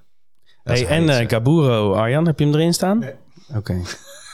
Wel een van de betere opties voor eh, 500.000. Hey, FDG, leuk wel, Pinot. Stiekem, hij is aan zijn afscheidstournee bezig. Ja. Maar hij rijdt best wel goed. Ja, race sterk Gaat, gaat hij voor het klassement of gaat hij eh, ook voor de bergen en lekkere etappes pakken? Ik denk dat hij een beetje gaat freewheelen. Volgens mij gaat hij niet eh, uitgesproken voor een klassement. Maar ik denk dat hij gaat kijken hoe die eerste aankomstenbergen opgaan. Eh, maar als ik hem een advies zou mogen geven, zou ik niet voor het klassement gaan. Nee, ritwinst. Alles op ritwinst voor eh Pinot. Maar wel een interessante keuze voor 750 Ja, absoluut, absoluut. Hey, en dan hebben we eh, Koen. Die, Steven eh. Ja, die eh, ook meedoet, of in ieder geval op de, op de lijst staat. Terwijl onze kleine, of mijn kleine dochtertje van twee binnenkomt. Ja, Dus als je wat hoort, het is geen hond. Is het is geen hond. Nou, dat kan allemaal. Ehm, maar Koen, wat, eh, wat denk je ervan? 1 miljoen? Ja, op zich eh, natuurlijk altijd, eh, altijd leuk om te nemen. Uh, Tussen wel twee tijdritten. Ik weet niet hoe het met Kuhn is na zijn voorjaar. Hè? En ik Niet denk, een super voorjaar. Nee, maar of hij ook een beetje afgepierd is, zeg maar. Ik denk dat er betere tijdrijders zijn, maar... Met nou, ik denk dat er één betere tijdrijder is. Dus Ghana, daar komen we nu meteen op. Ineos, interessante ploeg weer natuurlijk. Met Hart, die onvoorstelbaar goed in vorm is dit seizoen. Voor Ja. het eerst weer, hè, na zijn Giro-zegen in 2020. Ja. Ehm, Arendsman, nou, die, zijn ziel hebben we blootgelegd gekregen van eh Wielerflits eh, afgelopen Tour ja, of de the Alps. laatste weken weinig berichten over gehad hoe het met Arendsman Ja, is. jammer is dat, hè? Ja. Nou ja, ehm, ja, ja, ja, ja, ja, ja. Wat Nou, moeten we wat ik op zich vind hè, bij eh, Ineos, is wat belangrijk is dat je echt even gaat kijken hoe eh, lopen die vormcurves van, curves van die gasten. Ja. Eh, kijk, Geraint Thomas, dan hoor je nu van ja, Tour of the Alps, hè, wordt die, weet ik veel, eh 20ste, 25ste. Afschrijven voor de Giro. Ja, Geraint Thomas, die is eh 36, hè? geen 26. Ja, is ontzettend ervaren Nee, natuurlijk. foutje. Maar excuses daarvoor. Nee, maar die, die weet echt wel hoe die zich voor moet bereiden op een grote ronde. Ja, vorig jaar derde in de Tour. Ja, Op 35-jarige tijdrit. leeftijd. Goede tijdrit. Het enige verschil is wel, wat ik heb gekeken... vorig jaar won die wel gewoon de Ronde van Zwitserland voor de Tour. dat klopt. Dit jaar heeft hij nog geen Nee. pepernoot gereden. Dat klopt. Dus dat is wel waarom ik denk... Hmm, Ja. voor een half miljoentje minder heb ik Hart... Ja, die wel bewezen in vorm is. Dat klopt. Ik ga toch voor Hart. Ik weet het nog niet. Ik, eh, en los daarvan eh, heb je ook nog gewoon een Arendsman. Die stiekem ook nog wel eens heel goed kan gaan zijn. Nou ja, weet je, eh Ineos is wel, kunnen dat wel op zich sturen. Maar weet je wat ik met Arendsman heb? Die is zo ontzettend dienstbaar. Ja, dat is ook Dus zeker. die, ook al is die beter, die gaat alsnog Ja, maar de schoenen moet- poetsen van... Elke ochtend moet hij dat hele ontbijt voorbereiden voor die gasten. Dan gaat hij afruimen. En dan gaat hij nog alle fietsen schoonmaken. Ja, en dan masseert hij die gasten nog Dan aan het eind van de dag. En dan moet hij nog gaan rijden. Ja, dat is gewoon lastig. Dus ik denk inderdaad dat de derde week dan te veel wordt voor Tijmen. Ja, dus ik, ik denk eh, ook de hiërarchie inderdaad bekijkend. Eh, je hebt ook Sivakov nog, die ook best eh, Ja. prima in orde was. Ja. Dus je, hebt gewoon Hart en, en, en Thomas, die volgens mij de, de twee kopmannen zijn. En dan zitten achter zitten eh Arendsman en Sivakov. Die hoeven niet als eerste te rijden, want je hebt de uh, Puccio en... eh, Stiekem en ook nog gewoon de plus, hè? En, en Ganna. En de plus was ook weer in orde. In, Ja. eh, dus ja, eh, dus hij hoeft niet als eerste, maar op een gegeven moment zal hij aan de bak. Ja, je zit weer te lachen om eerst. Dus. Toch? Ik zei het toen een keer als tweede. dus Toen, eh, moest, ja. Mag niet? Ja, zit je daar om uit te lachen gewoon? Nee, Ik wil niet stoken. mooi. Nee, maar dat is... En Ghana, hè, niet vergeten. Voor de tijdritten. Ja, Ghana is wel een must, toch? 2 miljoen? Ja. eh, al is het eh, minder zeker dan in, in het verleden... dat hij eh, die eerste roze trui pakt. Ja, met Eddy. Ja. Ja, en Oh. Roglic. En, en Roglic, maar ik denk vooral even de pool. Nee, dat is een Ehm, heel interessant team. Daar, zou- daar gaan er wel meerdere van in, denk ik, uiteindelijk. Omwille van de tijd gaan we rapidoor. Oh ja. Oh ja. Intermarché, Circus, Banti, Rota, Moi. Ehm, ja, even voor het sprinten daar. Eh, Bonifacio staat nu op Pro Cycling staat er weer niet bij. Nee, maar die stond dus juist eerst als enige er wel bij. Dus En die Arne Mariet heb je nog. Ja. Dat is een sprintertje. Ja. Ja. Is dat wat? Ja, dat is een, eh, een jonge, jonge Belg. Die, eh, Nou, als hij de enige sprinter wordt van Wanti. Eh, en Rune Herkots, maar dan iets meer heuvelachtige. ja, Die kan ook goed, eh, goed aankomen. Dus dan is het voor budget sprinter is die Mariet nog wel leuk. Ja. Als Bonifacio niet zou meedoet. kunnen, ja. Oké, prima. Israël, lekker man, Pozzo Vivo. Eindelijk bij de oude mannenclub. Daar hoort hij ook. Meenemen toch? 750.000? Altijd goed in Italië. Pozzo Vivo heeft mij zoveel eh, eh, vreugde opgeleverd met uh, Scorito-spel in het verleden... dat ik ben het eigenlijk eh, eh, aan hem verplicht om hem op te stellen. Hey, en Dario Frigo is ook weer... Oh nee, is Marco Frigo Marco is dat. Frigo, Ja, is, ja. eh, laat maar. Jumbo-Visma. Roglic uiteraard. Ehm, en welke ik vooral met jullie wil bespreken is Vos of Koes. Of en Koes. Hoe duur zijn ze? Ja, Koes is 2,5. En Vos is 2. Vos gaat zijn contract niet verlengen. Hè? Die gaat weg aan het eind van het seizoen. Verrassend wereldkampioen tijdrijder geworden eind vorig jaar. Ja, hoe? Van even de Wie? Ja. Vos. Ja. Wat denk jij, Thomas? Vos, Koes, wat doe je ermee? Eh, mijn voorkeur gaat uit naar Koes. Omdat dat, eh, ja, dat is echt gewoon de adjudant van... eh, Ondanks de tijdritten dus? Ja, maar ja, er zijn ook zes bergritten. Ja, dat klopt. Dus ja, je, ik denk dat We persoonlijk... hebben het wel over de wereldkampioen tijdrijden. Nee, dat klopt. Maar ook daarvoor geldt. Ja, ik verwacht niet dat hij in het roze komt. eh. Nee. Hij rijdt wel altijd de eerste tijdrit in de Giro heel goed, Vos. Dus eh, hij zal zeker zijn punten pakken. Even de vraag of hij... eh, hij is natuurlijk ziek, zwak, misselijk in de Romandie. Hoe dat zich verder uitpakt. Maar Koes, hè, als je kijkt naar hoe, hoe die in het verleden ook punten heeft gepakt... in die Vuelta's die Roglic won. En ook in de Tour die Vingegaard won. En hij is een beetje verrassend opgeroepen. Hè? Ik had hem eigenlijk helemaal niet op, op Koes. vizier. Ja, eh, voor, de, voor eh, nee, deze klopt. Maar Koes is heel goed met Roglic, Ja, zeg ja. maar. Dus eh, da- da- daarom zou ik hem ook eh, eerder overwegen dan Vos op dit moment. Maar als ik een half miljoen tekort kom, ja, dan wordt het misschien- misschien wel Vos. Want ik denk wel dat een van deze twee erin komt. Twee jumbo's mee? Ja.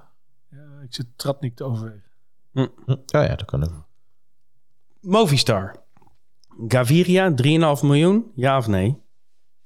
Ja, hij was vorig jaar tweede in de, in de sprintrij. hè? Ja, het zal, Ja, hij zal wel wat punten pakken, Gaviria. Maar 3,5 miljoen is wel wel ontzettend veel geld. Ja, ik vind het eh, te veel. Check. Hey, en eh, Rubio, dat is vooral als je nog een leuke, eh, druistige... Ja, Ja, een leuke is Ja. Kanter?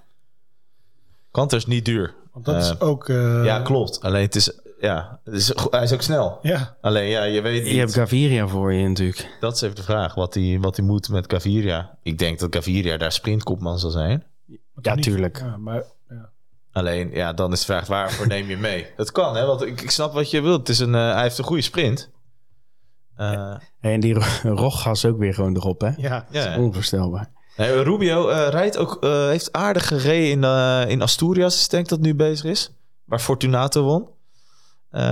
Ja, als Leuk- hij leuk een longshot voor de bergtrui zou misschien nog... Want hij heeft verder niemand om voor te rijden in die bergen.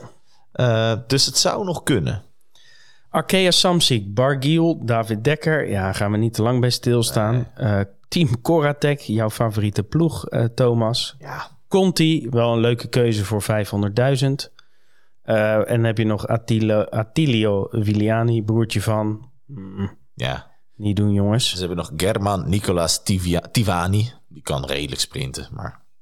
Ja, ja, ja. Hey, DSM, Leknesund. Leknesund. Ja. Voor 750 wel een oké keuze. Maar komt ook wel op heel veel fronten net tekort. Ja, klopt. Is wel, Wel echt jong. Een, eh, 23. mooi renner. 21 mei wordt hij 24.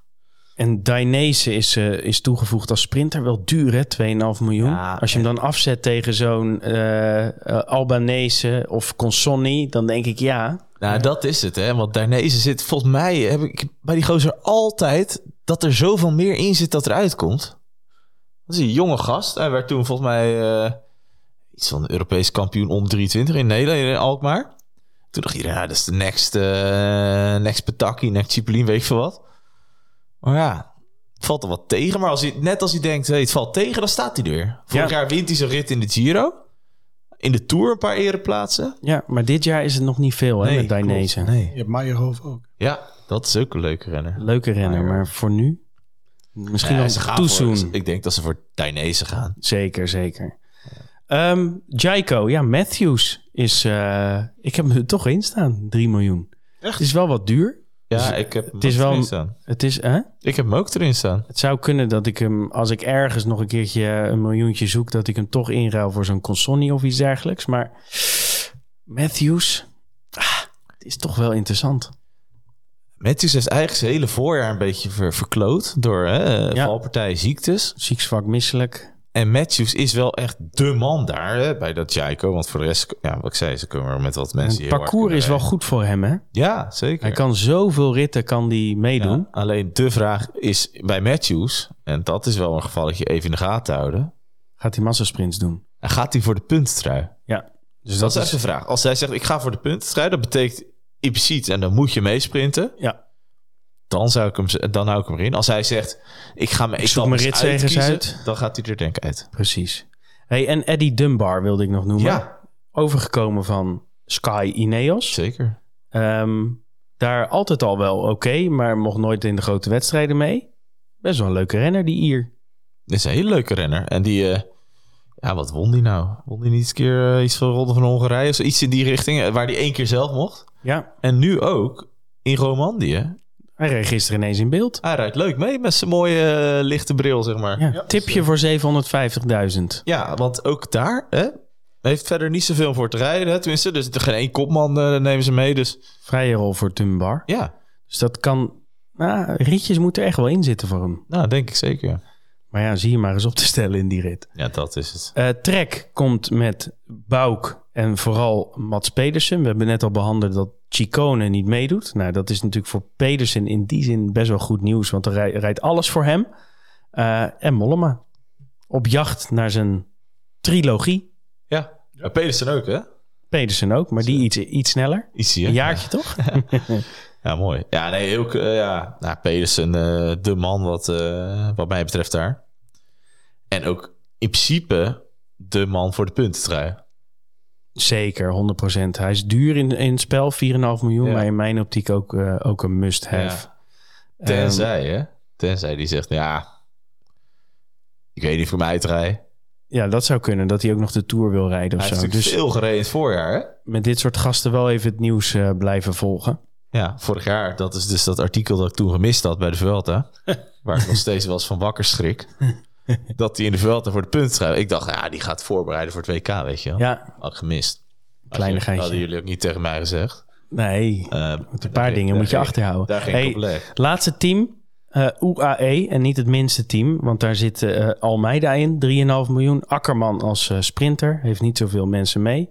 En dan verder nog McNulty, Ulissi en Vine. Ehm, Almeida, 3,5 miljoen. Rijdt een goed voorjaar weer. Elke keer in, Ja, de, in de top van, de, van het klassement. Kan goed tijdrijden, kan goed aankomen. Podiumkandidaat. Ja, zeker. En, even benoemen... eh, doet nog mee in de strijd voor de jongeren. Ook trui. nog. Dus, Dus voor de 3,5 betreft- miljoen categorie is Almeida misschien wel de nummer 1, hè? Ja, wat mij betreft is dat... eh, ja, zeker. Oké, hebben we dat afgetikt. Akkerman, 2 miljoen. 2, 2,5, ja. Ja, is net... eh, ja, een matige Geen, tra- geen trein. Nee, hij heeft alleen Gibbons mee, volgens mij. 2,5 miljoen. Ja. 2,5 zelfs, niet doen. Ehm, ja, McNulty, 1 miljoen. ja, die vind ik eh, in de aanbieding staan, zeg maar. Hij staat wel in de aanbieding. Kan aardig tijdrijden en eh, een goede klassementsman. Ja, ze, ik, ik weet eigenlijk niet hoe hij dit seizoen presteert verder. Nou, redelijk. Hij heeft... eh, Zevende in Baskela eh, ja, Baskeland. Ja, ja, maar echt... eh op zich- Twaalfde Tirreno. Veertiende UAE Tour. Achtste Valenciana. Ja, maar ook de hele tijd soort van in dienst van, hè. Tireno reed Almeida natuurlijk ook mee. Voor een miljoentje.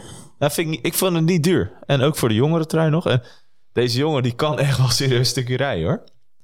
Eh, dus eh, ja, ik zou hem, eh, als hij een miljoentje over hebt, zou ik hem direct erin zetten. Zou je meenemen. Oké. En dan hebben we nog, last but not least, een hersenkraker. Ja, dat is... Jay Vine. Jij, bent, ja, jij bent voorzitter van meerdere fanclubs, maar je bent natuurlijk geswitcht van uh, Guillermij naar Vine. Vorig jaar, zeker. En wat gaan we daarmee doen? Nou, dat vind ik dus wat moeilijk. Omdat nu hè, wordt geroepen, ja, die moet je nemen. 2 miljoen. En die, nou, want hij won ook al de ronde van Australië, Tour Down Under. Dat klopt. Hij werd Australisch kampioen tijdrijden. Klopt ook. Alleen hij heeft daarna heeft wel echt een vervelende blessure gehad. En ik ben wel echt heel benieuwd hoe hij daarvan uh, aan terugkomen is. De signalen zijn goed. Hè? Almeida zei ook van ja, oké, hij is goed. Dat weet ik zeker. Maar ik ben de nummer één. Dat zei Almeida. dat zei hij in een interview. Dus dat is best wel, uh, ja, zegt wel iets natuurlijk. En hij is 2 miljoen, hè. Dat is wel best wel, uh, best wel aan de prijs, vind ik. gezien de onzekerheid die erover bestaat. Want hij heeft volgens mij dit jaar na ik denk dat hij in, wat is die UAE, is hij afgestapt, denk ik. Daarna heeft hij niks meer gereden. Nee. Dus dat is wel een, een gokje dat je neemt. En een gokje voor 2 miljoen. Maar tegelijkertijd, hè, als... Als je 45 miljoen hebt, uh, Thomas, wat is dan 2 miljoen? Dat is waar. dat is nog steeds veel. Maar als je kijkt naar wat hij kan... Hè, dus als hij aan de voet van een klim komt... en hij kan zijn wattages gaan trappen... Ja, dan zijn er niet heel veel die hem... als hij goed is, die hem dan bij Maar goed, Divine in dienst van voor 2 miljoen met onzekerheid. Ja, dan zou ik dus eerder McNulty nemen. Ja, voor 1 miljoen. Ja. Oké. Even sloes voor nu. We gaan uh, door. We zijn weer lekker, uh, lekker uit de tijd aan het lopen. Je verwacht het niet. hey, we gaan uh, nog meer uit de tijd lopen, want daar is hij. Daniel, Cycling. Kom er maar in, jongen. Dag mannen, daar zijn we alweer. De eerste grote ronde van 2023. De 106e Giro d'Italia, de 292e, een grote ronde in de geschiedenis. Nou, een aantal leuke statistieken over de Giro en over deze Giro specifiek. Um, als we kijken naar de records in de Giro d'Italia, dan uh, zien we dat Pozzo Vivo voor zijn 17e Giro staat. Dat is nog steeds één minder dan Panizza, maar uh, Pozzo Vivo kan dus uh, weer een stapje hoger in de ranglijst komen van de meeste deelnemers aan de Giro. En hij staat ook aan, zijn, aan de start van zijn 288ste etappe. En dat is al het meest in de geschiedenis. En als hij de finish van die eerste etappe haalt, dan heeft hij ook in zijn eentje de meeste uh, etappes uitgereden in de Giro. 293. Nou, in dat lijstje wordt hij van de actieve renners gevolgd door Giro Ulissi. Maar die moet ongeveer nog vier Giro's uitrijden om uh, in de buurt te komen van, uh, van Pozzo Vivo. Die staat op 206 uh, etappe deelnames. Meeste eindzegers zijn uh, de vijf stuks voor Eddy Merckx, uh, Fausto Coppi en Alfredo Binda. Uh, aantal etappenzegers staat Cipollini op 1 met 42 stuks en ook Binda hoog met 41. En is Mark Cavendish de actieve renner met de meeste zegers. Um, Cavendish wist 16 keer een etappe in de Giro d'Italia te winnen. Nou kijken we naar een aantal keer uh, dragen van de roze trui. Dan zien we dat uh, Eddy Merckx het vaakst in het roze in het rond mocht rijden. 78 keer. Uh, Contador ontving 36 leiderstruien. En van de recent actieve renners staan Nibali met 18 en ook Dumoulin met 17 roze leiderstruien hoog in dat klassement. Nou, Luis Leon Sanchez staat ook aan de start van de Giro. Um, en hij staat daarmee voor zijn 29ste grote ronde. Zijn vijfde Giro. En uh, van uh, alle renners in de geschiedenis hebben alleen Valverde, Pataki en Tossato vaker aan de start van de grote ronde gestaan. Nou, we weten dat de Giro uh, van 2023 veel tijdritkilometers heeft. En die zijn ook vaak beslissend in de, in de Ronde van Italië. Um, we hadden in recente jaren een aantal andere winnaars gehad als er geen tijdritkilometers in hadden gezeten. Zo zou Hindley dan gewonnen hebben van Hart, Quintana van Dumoulin in 2017, Landa zou gewonnen hebben van Contador en uh, als er geen tijdritten waren gereden, zou Rodriguez de Giro van 2012 harder hebben gewonnen in plaats van Hesjedal. Nou, een van de bekendste statistieken over, uh, over de grote ronde is een etappezege in alle drie. Nou, welke renners kunnen de komende Giro hun trilogie compleet maken? Dat zijn er zes. Dat zijn Mats Pedersen, Magnus Kort Nielsen, Bauke Mollema, Simon Clark, Warren Barguil en Sepp Koes. die kunnen met de etappezege in de Giro hun trilogie vervolmaken. Als uh, Simon Clark dat weet te doen, dan is hij de oudste ooit die dat lukt. Um, en Mollema die zal nog iets jonger zijn dan de Vlaming en Van Impe. Maar hij zou ook een van de oudste renners ooit zijn die uh, de derde grote ronde en etappe wint. Als Pedersen zijn trilogie compleet maakt, dan doet hij dat in iets minder dan een jaar tijd. Um, op de eerste, tijdens de eerste etappe van de Giro is het namelijk 295 dagen geleden dat hij zijn eerste etappe won in de Tour de France. Ehm, en er zijn maar een aantal renners eh, die dat sneller dan eh, eh, dat aantal dagen gedaan hebben. Dat zijn andere Benatti en Zabriskie. Die wisten met 291 dagen het snelst de drie etappes in alle, of ja, een etappe in alle grote ronden te winnen. En ook Dumoulin wist dat snel te doen in slechts 315 dagen. Nou, welke nationaliteiten wisten nou uh, nog geen Giro te winnen? Uh, nog nooit won een Sloveen de Giro d'Italia. Dus uh, Roglic kan voor zijn land de eerste zijn. En de laatste Belg die de Giro won, dat was de Muink in 1978. En Frankrijk wacht ook al lang op een zege, namelijk sinds 1989. Nou, kijken we naar etappezeges, dan zien we dat de Spanjaarden al lang geen etappe meer wonnen. 2019 was Bilbao de laatste. En Denemarken moet al sinds 2012 wachten op een etappezege. Dus Pedersen of Kort Nielsen kunnen voor hun land een mooie prestatie leveren. Welke renners wisten vaak goed te presteren in de Giro of in een grote ronde? Ricoberto Uran, 10 keer top 10 in een grote ronde, maar nog nooit een, een eindzege. En ook Vivo met 8. En Landa, Bardet en Kruiswijk staan met 7 top 10's in grote ronde hoog in dat lijstje. Mollema, Enric Mas, Maika en Kelderman hebben 6 keer top 10 gereden. En wisten ook nog geen grote ronde te winnen. Etappe top 10's dan in, uh, in grote ronde. Uh, uh, Rogas staat met 54 top 10's nog steeds bovenaan. Kruiswijk 41 keer top 10 in een grote ronde zonder etappezegen. Kelderman met 44 en Adam Yates met 31 en Almeida met 28 staan ook hoog in de lijst van renners die vaak top 10 reden in een etappe van de grote ronde, maar nog nooit met de armen omhoog over de lijn kwamen. Eh, Kruiswijk is bovendien ook de actieve renner met de meeste uh, top 3 plaatsen in een Giro-etappe zonder ritzegen. Um, Kruiswijk wist al eh, zeven keer tweede of derde te eindigen, um, maar nog nooit te winnen. En Almeida staat met zes podiumplaatsen ook hoog in dat lijstje. Nou, kijken we naar een aantal unieke prestaties. Dan uh, zien we dat uh, Remco Evenepoel met een etappezege de eerste wereldkampioen op de weg uh, wordt die een etappe in de Giro wint sinds Cavendish in 2012. Moeten we nog wel even doen natuurlijk. Uh, en ook Cadel Evans in 2010 en Mario Cipollini wisten als wereldkampioen een etappe te winnen in de Giro, maar dat is al even geleden. Tijdrit wereldkampioenen wisten het wel vaker te doen. Ganna wist in 2020 en 2021 een etappe te winnen, een tijdrit te winnen. Dumoulin in 2018 en Tobias Vos kan de volgende worden in 2023. Maar die heeft wel grote concurrentie. Want uh, Ghana, Roglic, Evenepoel, allemaal tijdritspecialisten die, uh, uh, die ook gebrand zullen zijn op een tijdritzege deze Giro. Nou, Remco Evenepoel kan de eerste wereldkampioen op de weg worden die een grote ronde wint. Sinds Greg LeMond in 1990. dus dat is echt een unieke prestatie. Dat is heel lang niet gebeurd dat er een wereldkampioen eindwinst in een grote ronde haalt. Nou, we noemen hem wel even. Mark Cavendish, uh, meeste etappenzegers in Giro, 53 etappenzegers in grote ronden. Uh, en het kan zijn 17e grote ronde worden met de etappenzegen. En in die lijst heeft alleen Mario Cipollini vaker, uh, of ja, in meer verschillende grote ronden in etappe, te, etappe gewonnen. Namelijk in 20 stuks.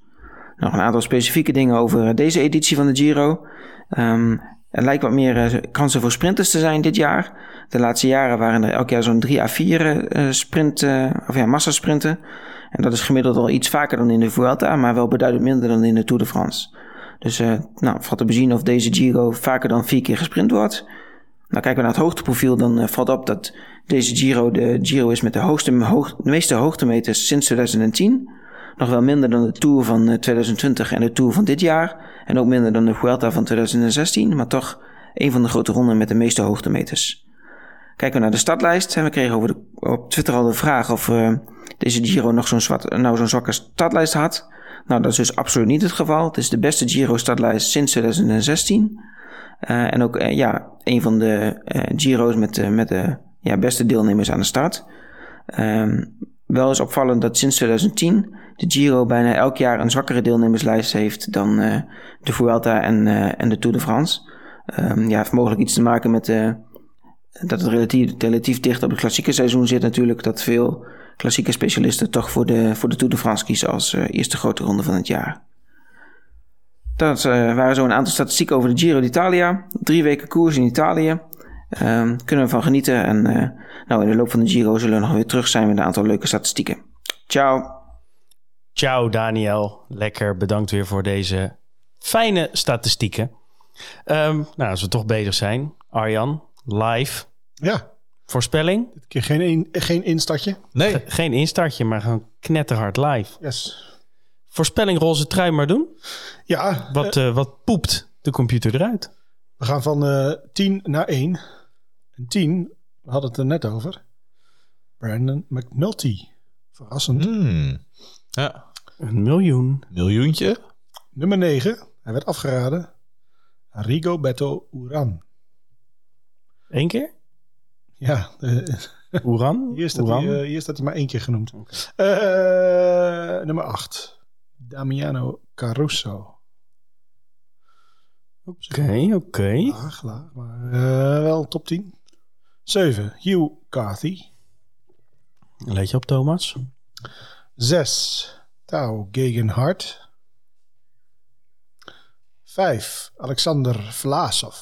Hm. 4, Geraint Thomas. Ja.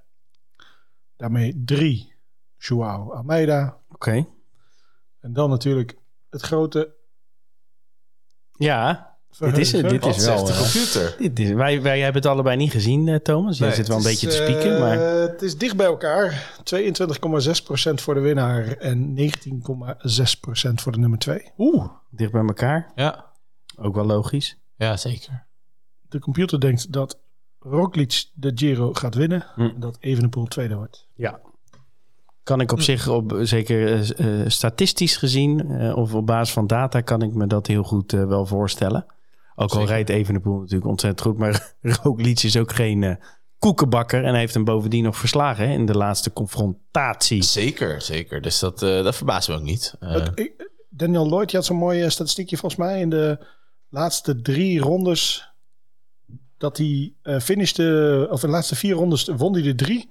En de laatste vier, eh, eh, of de laatste... ja, de laatste vier rondes finishte hij er drie niet of zo. Ja, precies. Dus, zoiets was ja, het. Ja, Dus als die finisht, Roglic. ja, ja, zeker. grote kans dat hij wint. Zo stoïcijns ook, hè? want je kunt je natuurlijk best wel gek laten maken door zo'n Evenepoel. Ja. Maar, maar Roglic, die... eh Nee, klopt. Maar grande casino. Vuelta vorig jaar uitgevallen, Tour vorig jaar uitgevallen. eh Vuelta het jaar daarvoor won die en Tour het jaar daarvoor eh, viel die uit. Dus, dus, eh, dus weet je, dat... dat eh, Dus je kunt eigenlijk letterlijk zeggen alles of niks. ja. Hey, ehm, de andere voorspellingen, daar hebben we net over gehad, die, eh, die gaan we... Ja, we zitten al een beetje in de tijd en eh, die gaan naar de blog. Dus, Die gaan eh, naar de blog. Ehm, hou de blog in de gaten. ja. Dus eh, ja, punttruien, de berg, jonger, leuk. Ja. Maandag roze trui, dinsdag. Ja, ik heb Sprinttrui. gezien. We hebben een strak schema, jongens. strak schema, content, ja. content, content. We gaan je helemaal gek maken deze week. Hey, ehm, we gaan nog even door Twitter heen, want we hebben een oproepje gedaan wat we zeker moesten behandelen. Nou, trouw als we zijn, dan doen we dat natuurlijk. Ehm Keesje, is dit de zwakste startlijst van een grote ronde in jaren? En wat te doen met Ineos, Thomas? Nou, eh, Daniel heeft net volgens mij toegelicht dat het eh, juist niet een zwakke, zwakke startlijst is, maar dat het een heel sterke startlijst is. En daar ben ik het ook, met, eh, ook heel erg mee eens, want er zijn echt grote namen aan de start. Dus dat. Wat doen met Ineos? Eh, ik zou een keuze maken tussen Thomas en, en Hart. En ik zou één extra Ineos meenemen. Guy van Lommel, die goed is in voorspellen, weet ik. Ehm, welke sprinters gaan de Giro uitrijden, Arjan? Ja, hebben we net eh, denk ik ook al bij het eh, rondlopen eh, behandeld. Maar inderdaad, eh, Matthews, Consonni. Eh, en hou de, hou de fiets in de gaten of eh, Pedersen. of Pedersen hij- hem gaat uit. Ja, je moet dat sowieso in de gaten houden. Kijk, Kevin is kan ik me voorstellen dat hij heel erg graag voor die ene etappe tegen de Tour wil gaan. Dus Ja. dat hij Ja. misschien niet tot het einde gaat. En voor de rest moet je dat echt gewoon in de gaten hebben. Je, Albanese rijdt waarschijnlijk uit, want Ja. die heeft toch niks Ja. meer daarna. Ehm, zo zou ik er naar kijken. Precies. Ehm Bahrein, Wittegaat, die, die vraagt... Hey Caruso, Buitrago, Meder. Veelbelovend, eh, maar wie pakt de top 10? Hebben we wel behandeld, hè? Dus een beetje de meningen zijn verdeeld. Ja, Caruso. Eh, we zijn het wel eens. top 10. We zijn het wel eens over eh, Meder dat we die niet zo dat we daar niet zoveel van verwachten. Buitrago wordt ook lastig voor top 10, maar wel een interessante voor 1 miljoen. Eh Caruso anderhalf miljoen, Steady, Heek iets meer risico, ook iets duurder, Ja. 2 miljoen. En iets sneller aan de meet wel, eh, Heek. Eh, maar Caruso denk ik stiekem nog wel de meeste kans op top 10. Als dat de vraag is, denk ik dat Caruso misschien nog het meeste kans. Caruso. Frans de Vries, Mollema in het roze na etappe 4. Frans de Vries die doet mee met uh, Wieler Orakel Wielerquiz, hè? Topper is het dus. Dat is een topper, maar Mollema in het roze naar etappe 4, dat denk ik niet. Ja, dat is natuurlijk met de gedachte van eh, hij rijdt een goede tijdrit en mag vluchten in eh, rit Ja. 4. Het is wel heel chauvinistisch, eh, eh, onze Frans, Ja. onze Fries. Oké, 10 punten bij sprinters in de vorm van Oldani vraagt Padrini Silverstar Team. Nou, Patrini Silverstar Team is een op zich een logische vraag. Je kan dat doen bij sprinters, maar ik zou het niet bij Oldani voor Groves denk ik niet. Want eh, Nee, in principe doe je dat alleen maar als je echt één top, top, top sprinter hebt die alles gaat winnen. Dan kun je kiezen om zeg maar zijn lead-out te pakken. Maar in dit geval zou ik dat eh, afraden. hè. Bij Mollema en, ehm en Pedersen nog wel interessant. Dus of het wordt een sprint, dan kan Pedersen winnen. ja. Of een aanval en dan kan Mollema winnen. Ja. Zo, zo zou je er naar kunnen kijken. Maar ik, ik- eh, risicovolle strategie. En niet heel veel punten voor opofferen. Nee. Mollema is veel te duur daarvoor, denk ik. Ja, Jochem vraagt welke sprinters die moet nemen. Nou, behandeld. Nou, sterke sprinters, zou Ja. ik zeggen. Mensen die ook... Pedersen, Groves, Ja, maar je kan beter hebben dat, Albanese. dat ze zes keer, eh, zes keer eh, zesde worden dan twee keer eerste of zo. Ja. Dus dan moet ik even narekenen, maar volgens mij klopt het wel. En Matthews is een kantelpunt. Ja. Ehm, Jort Kuiphof. eh, overwegen Pedersen thuis te laten zodat je meer budget hebt voor twee andere sprinters. Nee. Nee, tenzij. Nee, tenzij die in het nieuws er iets anders over zegt. Maljaard Hartenveld, onze vriend, Ja. Vriend uit het eh, Westland. zeker. Wie gaat, de, wie gaat er de verrassing zijn van deze Giro? Wat denken jullie van Thomas Roglic en Mollema? En hij wenst iedereen ook nog eens heel veel succes. Nou, dat is, eh, dat is fijn. Eh, ja, Thomas, denk, ja, daar komen we straks op. Ik denk dat hij op zich er wel staat. Roglic zal er staan. En Mollema, ja, lastig. Anderhalf miljoen net te duur voor mij. Net te door. Voor, voor een miljoen had ik nog aangedurfd, maar anderhalf miljoen. Hey, verrassing deze Giro? Ik hoop, maar dat is meer het hart wat spreekt, dat Thibaut Pinot een fantastische eindgiro, eh zijn laatste. Ik denk eh Sivakov. Nou, Zo. Ja. Nou, verrassing. Het is wel verrassing. Ja, Aan jullie zou- reacties te zien is het wel verrassing. Ja. Kijk, ik kan ook wel zeggen van ja... eh, Ja, maar er is, een, er is zeg maar een verschil tussen verrassing en gewoon compleet debiel. Ja, nou precies. Dat zit daar ergens tussenin tussenin. ja, verrassing, verrassing, verrassing. Ik zit nog heel even te denken. Wat is nou... Wat zou nog wel een mooie verrassing kunnen zijn? Ja, ik vind het lastig. Ja, ik denk toch dat Carthy eh, stiekem gewoon top 5 eh, gaat rijden. Dus dat zou dan mijn verrassing zijn voor nu. Of dat toch Van Drama het goed doet. Mm, Kom, komen we zo nog even op. Ehm, even kijken. Het fenomeen knechtenpunten vraagt Martijn van Emmen wel of geen helpers mee van Evenepoel. Nou, hebben we behandeld. Ja, hè? zou ik wel Eh, doen. In ieder geval, in ieder geval één extra en misschien zelfs eh, twee als dat zo Ik uitkomt. zou er wel twee nemen. Van, van beide. Zeg maar, dus Van beide één? in Totaal twee. Je kan Ja. dan zeggen, ik doe er twee van eh Quickstep en, eh, en nul van eh, J- Jumbo of Ja. zoiets. Ehm, nou, dat dus. Tijdritspecialist of klassementmannen met goede tijdrit in de benen. Nou, dan heb je er al twee te pakken. Namelijk Roglic en Evenepoel. Thomas. Ja, Thomas. Maar ik je denk dat, dat, dat hij meer bedoelt, hij of zij, dat weet ik niet. Want je hebt niet gezegd wie, het, eh, wie de vraag stelt. Wilfred. Wilfred, dat zal een hij zijn, denk ik. Eh, ja, een uh, klassementsrenner met goede tijd in de benen vind ik altijd een beetje... eh, ja, wie, wie bedoel je, zeg maar? Eh, Nou, ik denk zo'n Almeida bijvoorbeeld wil hij weten, kan hij goed tijd rijden? En eh, ja, die moet je sowieso eh, ja, meenemen. dat kan die. Ja, precies. Maar ik denk als de vraag is, moet ik Ghana of Kung meenemen? Als je er ruimte voor hebt, zou ik er wel eentje van de twee meenemen. Ja, en dan is, dan is Gangana interessanter qua 10 punten. Oké. Nou, dan eh, hebben we onze vragen van onze zeer interactieve achterban behandeld. Dus dan eh, kunnen we door naar onze do's en don'ts. Maar niet voordat we de winnaar van het Pronk Bierbrouwerij pakket van Luik Bastenaken Luik hebben eh, gedaan. En nu zit de notaris er toevallig zelf bij. Ja, Dus we, hebben, we hoeven niet alle namen op te noemen dit keer, want het waren er weer vrij veel die Evenepoel goed hadden voorspeld. Maar Maurice Rechter 96. Maurice Rechter 96. Dat is een bekende naam. zeker, die was ook op de wielenquiz eh, vorig jaar. En ook lekker fanatiek altijd op Twitter. Zeker. Ik heb van Maurice Rechter 96 nog geen eh, inschrijving gezien dit jaar. Dus Ja, Maurice Rechter, meld je alsjeblieft op de Wielerorakel wielenquiz en krijg sowieso een mooi bierpakket cadeau. zeker. Hey, en je kan ook weer een bierpakket winnen eh, voor de Giro. En dat is als je de eh Super League wint. Dus schrijf je vooral ook op Scorito in op onze Super League.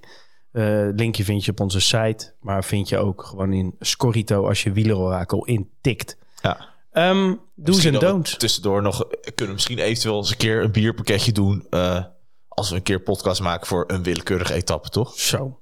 Hè? Is jouw geld niet Ik ben zeker? ook het eh, financieel geweten van deze club Oh, natuurlijk. wel. Dus eh, wat dat betreft eh, wel. Er zit wat rek in het Ja, budget. zeker. Ja, ja. Verdikke me. Ja, ja, ja. Hey Arjan, kun jij je, je drie must-haves, je drie don't-haves en je drie one-haves er doorheen eh, fietsen? Ja, dus eh, de must is gewoon gemakkelijk. Eh, dat is eh Roglic, Evenepoel eh, en eh Pedersen. Zo. Ja, Nee, jij neemt het heel letterlijk inderdaad, must-haves. Ja, stel, je bent notaris of je bent het niet. ja, dus Zo ik is kreeg, het. Ik kreeg geen, eh, hoe zeg je dat? Geen budgettaire constraints. Dus nou, Nee, dit zijn je must-haves.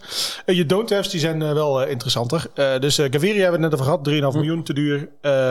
Aresman. is toch dat ontbijt, hè? Ja. Of is het eh, die... Ik vind, eh, die zou ik niet nemen. Hij is nu de vlucht aan het boeken. ik, zou, ik zou dan liever eh Sivakov nemen dan eh Aresman. Eh, dit, Ja. dit, dit gaat me waarschijnlijk wel een keer achtervolgen, maar... eh maar. Eh, Healy. Eh, zijn eerste grote ronde, 22 jaar. eh, al heel goed in het voorjaar. En ik zou me echt verbazen als hij die vorm kan doortrekken de ronde in. Misschien dat hij nog een gekke uitspat heeft eh, in een van, een van de etappes. Maar ja, kies maar eens welke. Dus ik zou hem niet doen. Ik vind leuke don't-haves. Eh One-halves, Groves, eh, die wil ik erin hebben voor 3,5 miljoen. Maar dat is normaal een beetje puzzelen, want het is best wel wat geld.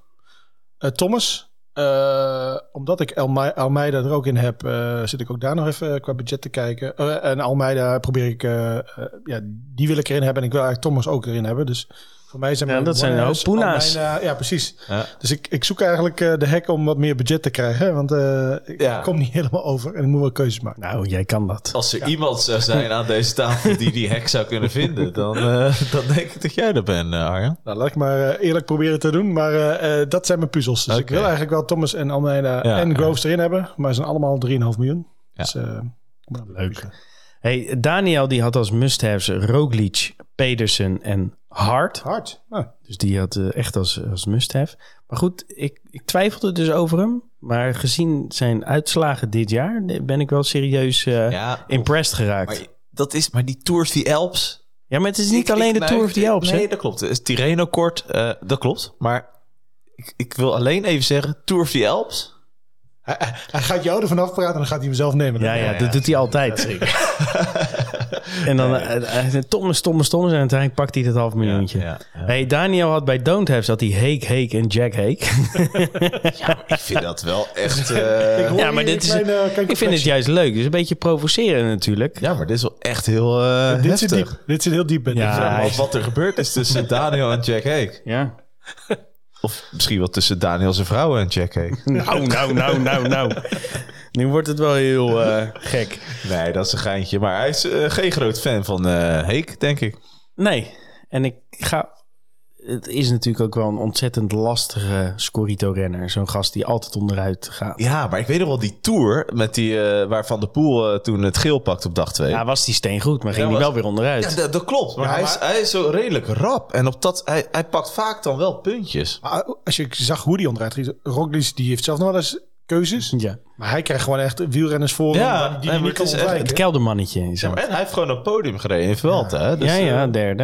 ja. Maar goed. Maar eh, Daniel zet hem er niet in. Nee, denk ik. denk ik ook niet. Ehm Vine, Gaviria en Vlaasov, zijn one-halves. Ja, die snap ik wel. Tenminste, eh, Gaviria? met name... Ja, Gaviria minder, maar wel eh eh, Fine en Vlaasov, dat zijn wel... eh, Ja. Thomas. Ja, eh must-haves. Ik heb er eh, in de sprint Pedersen, tenzij. Eh, het klassement. Ik heb Evenpoel Roglic even bij de beschouwing gelaten. Eh, sorry daarvoor. Eh, die neem ik sowieso. Ik heb Almeida erin gezet als eh must-have. En ik heb eh, Thomas erin gezet. Dus je hebt eigenlijk mijn one-halves, die heb jij als must-haves. Ja, die heb ik dus eigenlijk als soort van must. Als, ook om jou een beetje te helpen. als eh don't-haves heb ik eh, Andrea Vendram. Omdat dat, ik heb daar... Nou, hij, ja. Verder niks met mijn vrouw, eh, denk ik. Maar, eh, nee, maar dat is echt heel irritant. Ik heb die jongen echt best vaak opgesteld en eh, levert gewoon totaal niet. Dus die mag... drama. Ja, van drama heb ik hem ook genoemd, ja. Lennart Kemna, Lenny. nou, ik heb net een beetje toegelicht. Hele leuke renner, maar in mijn ogen te duur geprijsd voor wat hij kan in deze Giro. Ik denk dat hij heel veel in dienst van Vlaasov moet gaan rijden. En eh, Don't Have, en dat is misschien wat licht prikkelend, is Carty. Carty heb ik best vaak gehad, maar 2 miljoen. En eh, ja, toch vaak dat hij als laatste van zo'n groepje binnenkomt. heeft best veel frustratie opge- opgeleverd. Dus jij zou nog eerder Vine nemen dan Carthy. Eh, ja, Oké. want Fine. Staat niet in Nee, ik dacht even, ik had hem even bij one F staan, maar ik checkte het even. Ik staat er niet in, maar is wel eentje waarvan ik denk dat, dat hij wel... Het is meer een winnaar, vind ik. Carty vind ik geen winnaar. Nee, maar Vine is wel, heb ik een beetje de Kemna vibes dus. Hè? dus Ja, nee, eh, dat snap ik heel Wel goed. heel goed, maar eh, niet, net niet beter dan zijn kopman. Nee, nee, 100%. Maar Kemna gaat in het hoge bergte denk het niet redden. En Fine kan het juist daar misschien wel. En maar goed, als je dus eh, Almeida, Thomas en Vlaasov wil, dan heb je toch een probleem, Thomas. Hoezo? Hoe ga je dat bij elkaar kopen dan? Ik zoek een hek.